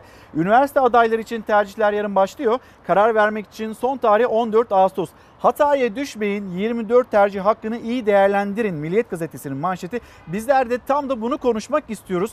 Hocam şimdi tercihler başlıyor. Çocuklarımız ne yapmalı? Bir, bir de hani pandemi süreci, okullar açılacak mı, açılmayacak mı, üniversiteler nasıl bir karar verecek? Bunu da konuşalım. Buyurun hocam. Ee, evet tercihler yapılırken ben bütün öğrencilerime hep e, aktardığım bir e, olay var. Onu burada aktarayım isterseniz. Ben çocuklarıma diyorum ki tercih yapılması demek meslek seçmek demek. Meslek yani üniversite tercihi meslek seçiyorsunuz. Bunu yaparken sonunda şunu düşünün. Hayatınızı nasıl yaşamak istiyorsunuz? Yani eğer bir öğrenci diyorsa ben e, dünyayı gezerek bir işim olsun. O zaman dünyayı gezerek yapılacak işler hangileridir onları bulmanız lazım. Kruz gemisinde aşçı da olabilirsiniz veya uluslararası ticaretle de uğraşıyor olabilirsiniz. Diplomat da olabilirsiniz. National Geographic'te fotoğrafçı da olabilirsiniz. Bunlardan hangisi size uyar diye geriye bir düşeceğiz. Eğer siz hani ceylanları çekeyim derken aslanları ısır diye korkuyorsanız o iş olmaz. Fotoğrafçı olamazsınız. Efendim hani soğanda doğurmak istemiyorum ben dünyayı gezeceğim ve aşçı olamazsınız. Bu elemeyi yaptıktan sonra eğer karşınıza diplomatlık çıkıyorsa o zaman şimdi ben bununla ilgili hangi üniversitede okumalıyım? hangi bölümde okumalıyım demek lazım. Yani hayatı nasıl yaşamak istiyorsak o yaşam biçimine uygun meslekleri seçmek durumundayız. Yoksa sadece herkesin söylediği gibi işte doktor ol çocuğum, avukat ol çocuğum, mimar ol çocuğum. İçinizde yoksa bunu yapmayacaksınız. Bizim ülkemizin en büyük sorunu gerçek yetenekleri, yetenekli oldukları konulara yönlendirmemektir. Bu konuda ailelerin de hatası var. Bizim eğitim politikalarımızda da hatası var. Çocukların baştan yeteneklerini bulmak ve onları yönlendirmek bu ülkenin ekonomisi içinde, geleceği içinde olmazsa olmaz bir kural olmalı bence. Çocukların dikkat etmesi gereken konu bu. Ama spesifik olarak da evet tercihleri yaparken 24 tane tercih hakları var. Çok küçük yerlere nişan alıyoruz. Yani 3 kontenjan, 20 kontenjan, 70 kontenjan.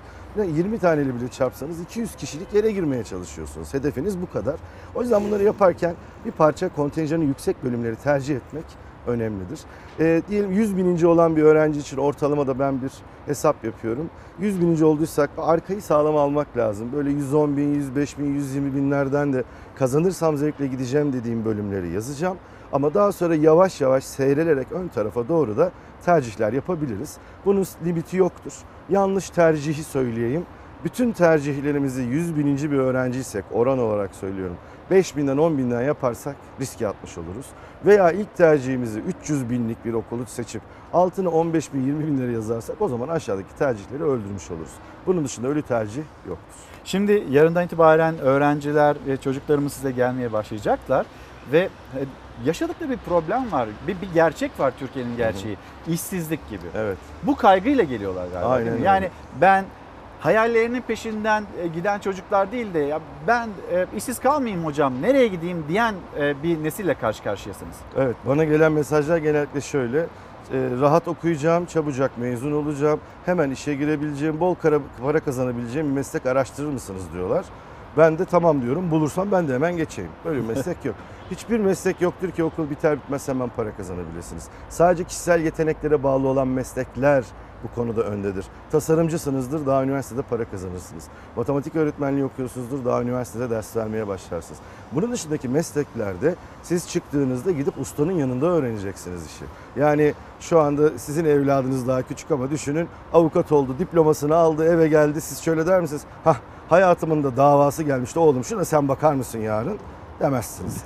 Çocuğunuz kalp doktoru olsa dün diploma aldı bizim oğlan. Bugün hemen girelim bu en ağır ameliyata demezsiniz. Tecrübe gerekir. Dolayısıyla her işte tecrübe lazım. Tecrübe olmadan para da kazanılmaz. Öyle çok çok zengin olanlar al kaponlar. Öyle hemen zengin olmak mümkün değil yani. Hocam okulların açılıp açılmaması tartışılıyor. İşte vaka sayıları artıyor. Ee, siz ne diyorsunuz? Okulları açar mıyız? Açılırsa nasıl açarız? Ne olması gerekir? Ya ben birazcık böyle işe tersten bir bakmak istiyorum. Yani eğer plajlar açıksa, AVM'ler açıksa, efendim otobüslere binebiliyorsak o zaman okullarda açılabilir. Yok bunları yapamayacak, okulları kapatacaksak zaten bunları da yapmamamız lazım. Okulları kapatıp çocukları eve Tam bıraktığınızda... bir paradoksun içindeyiz işte. Evet. Dolayısıyla burada önemli olan şey nasıl yaz tatilinde herkese dikkatli olun, dikkatli olun denildi ama kontroller yapılmadı. Eğitim sektöründe de bir tane belge hazırlandığını biliyorum. Çabucak yayınlanırsa herkes tedbirini alır. Bu belgenin gereği kurallar İçeriğini silsilesi uygulanır. Tabii beyaz bayrak uygulaması yani bu pandemi sürecini de işin içine katarak hijyen koşullarının nasıl uygulanacağı, efendim okullara girişler nasıl olacak, teneffüsler nasıl olacak bunlarla ilgili bir yönerge bekliyoruz. Yani zaten e, bakanlık muhtemelen çalışıyordur. Sayın Bakan sürekli diyor biz A, B, C planları çalışıyoruz. Doğru ama A planından sonra ne yapacağız detaylı? A B'den planı galiba biraz geride kaldı. B, C ve D planlarına mı E, bakıyoruz? Biraz öyle olmaya başladı. Ya okulların hiç açılmaması durumu e, aslında hiçbirimizin istemediği bir şey. Şuna inanın okullar kontrolü daha kolay olan yerlerdir. Plajda hiç kimse gelip de iki tane çocuk konuşurken siz yan yana durmayın demez. Ama okula öyle bir kural koyarsınız ki öyle bir denetlersiniz ki kolluk kuvvetleriyle, bakanlığın teftiş elemanlarıyla, memurlarıyla o zaman o okullarda o kurallar uygulanır. Hiçbir yönetici, hiçbir özel okul sahibi okulunda bir sıkıntı çıkmasını istemez. Bunu kontrol etmek zorundayız yani. Bunu eğitimle Ama öyle bir yapacağız. personel sayısına da sahip olmamız gerekiyor. Çünkü teneffüslerde Var. çocuklar yan yana gelir. Var efendim var. Çok var. O kadar çok memurumuz var ki bizim ülkemizde. Zabıtamız var, polisimiz var, jandarmamız var, müfettişimiz var, başka okulların öğretmenleri, müdürleri, Atama bekleyen öğretmenlerimiz atama var. bekleyen öğretmenler var. Bunların hepsini geçici görevli alırsınız. Biz ki buna benzer eğitimler veriliyor zannediyorum şimdi programlar. Bunları denetlersiniz. Olmaz. Ya Bu arada şöyle bir risk var. Mesela ee, küçük çocuklar için mesela aileler şöyle demeye başladılar. Biz 3-4 çocuk okula işte özel okula yazdırmayalım. Çünkü özel okul piyasasını perişan etti bu belirsizlik. Çocuklarımızı yazdırmayalım, evde özel ders aldıralım. Peki o zaman özel dersi verecek öğretmenler çocuklarla burun buruna evden eve dolaşınca daha mı az salgını engellemiş oluyoruz biz? Yani çok daha başka kontrol edemediğimiz risklere gidiyor bu olay. Ve bakın okullarda, özel okullarda okuyan 2-2,5 milyon öğrenci var. Burada ben bunu özel okullar için söylemiyorum.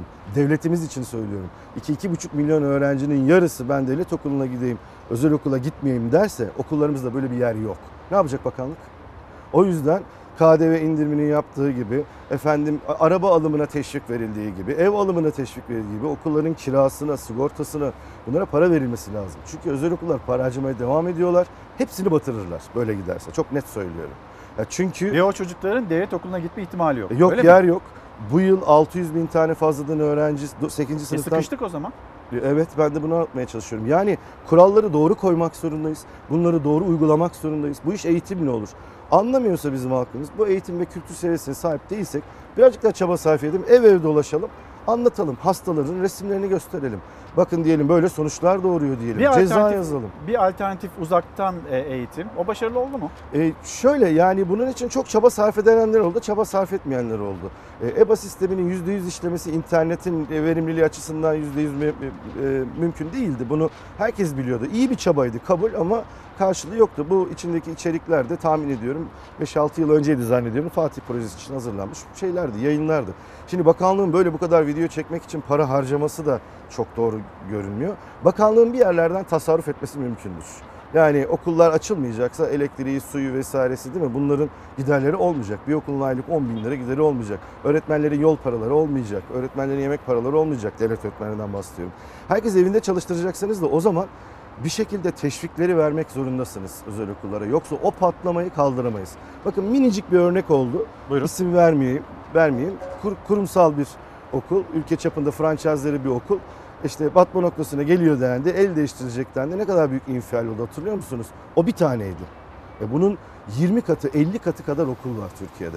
Hepsinin aynı duruma geldiği, yarısının aynı duruma geldiğini düşünün. Burada veliyi de rahatlatmak lazım. Veliye teşvik verilebilir. Para aktarımı yapılabilir. Devletin, bakanlığın, milli eğitimin kendi içindeki... E, Tabii böyle bir bütçeniz ta- varsa. tasarruf edilebilecek konular var. Siz okulu kullanmıyorsanız tasarruf edebiliyorsunuz. Ama mesela özel sektör bunu tasarruf edecek bir konusu yok. Eğer eğitim vermezse uzaktan, yakından Yani iki sene önceki o teşvikin geri gelmesi. hem onun geri gel- geliyor olması lazım hem başka yardımların geri geliyor olması lazım. Özel okullar öğretmen çıkartamazlar. Hizmeti daha fazla vermek zorunda kalıyorlar. Gecelere kadar çalışıyorlar. Uzaktan eğitim kolay değil. E böyle bir durumda oradaki öğretmenlerin siz parasını ödeyemezseniz sistemi çökertirsiniz. O çöküş devlete yansır. Kastettiğim bu. O zaman son cümleniz gençlere yönelik olsun. Ee, hayatımızda e, o kadar önemli dönüm noktaları var ki tercih dönemi bunlardan bir tanesi. Bu tercih döneminde e, yapacağımız bir yanlışlık bütün hayatımızı etkiliyor. Ah şunu yazmasaydım, vah bunu teyzem söyledi falan demeyelim. Eğer bu yıl istediğimiz bölüm gelmiyorsa hayatta bir yıl hiçbir şeydir. Bir yıl daha çalışalım.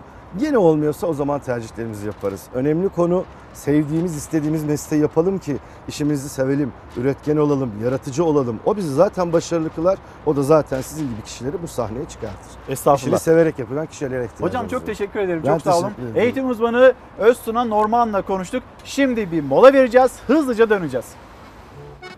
Efendim bir kez daha günaydın. Çalar Saatleri nokta koyma vakti geldi. Yarın saatler 8'i gösterdiğinde bizler yine karşınızda olacağız Türkiye'nin, dünyanın ve sizlerin gündemiyle. Ve bugün için kapatmadan önce her zamanki gibi teşekkürümüz sizlere. Bizi izlediğiniz için çok teşekkür ederiz. Güzel bir gün olsun. Hoşçakalın.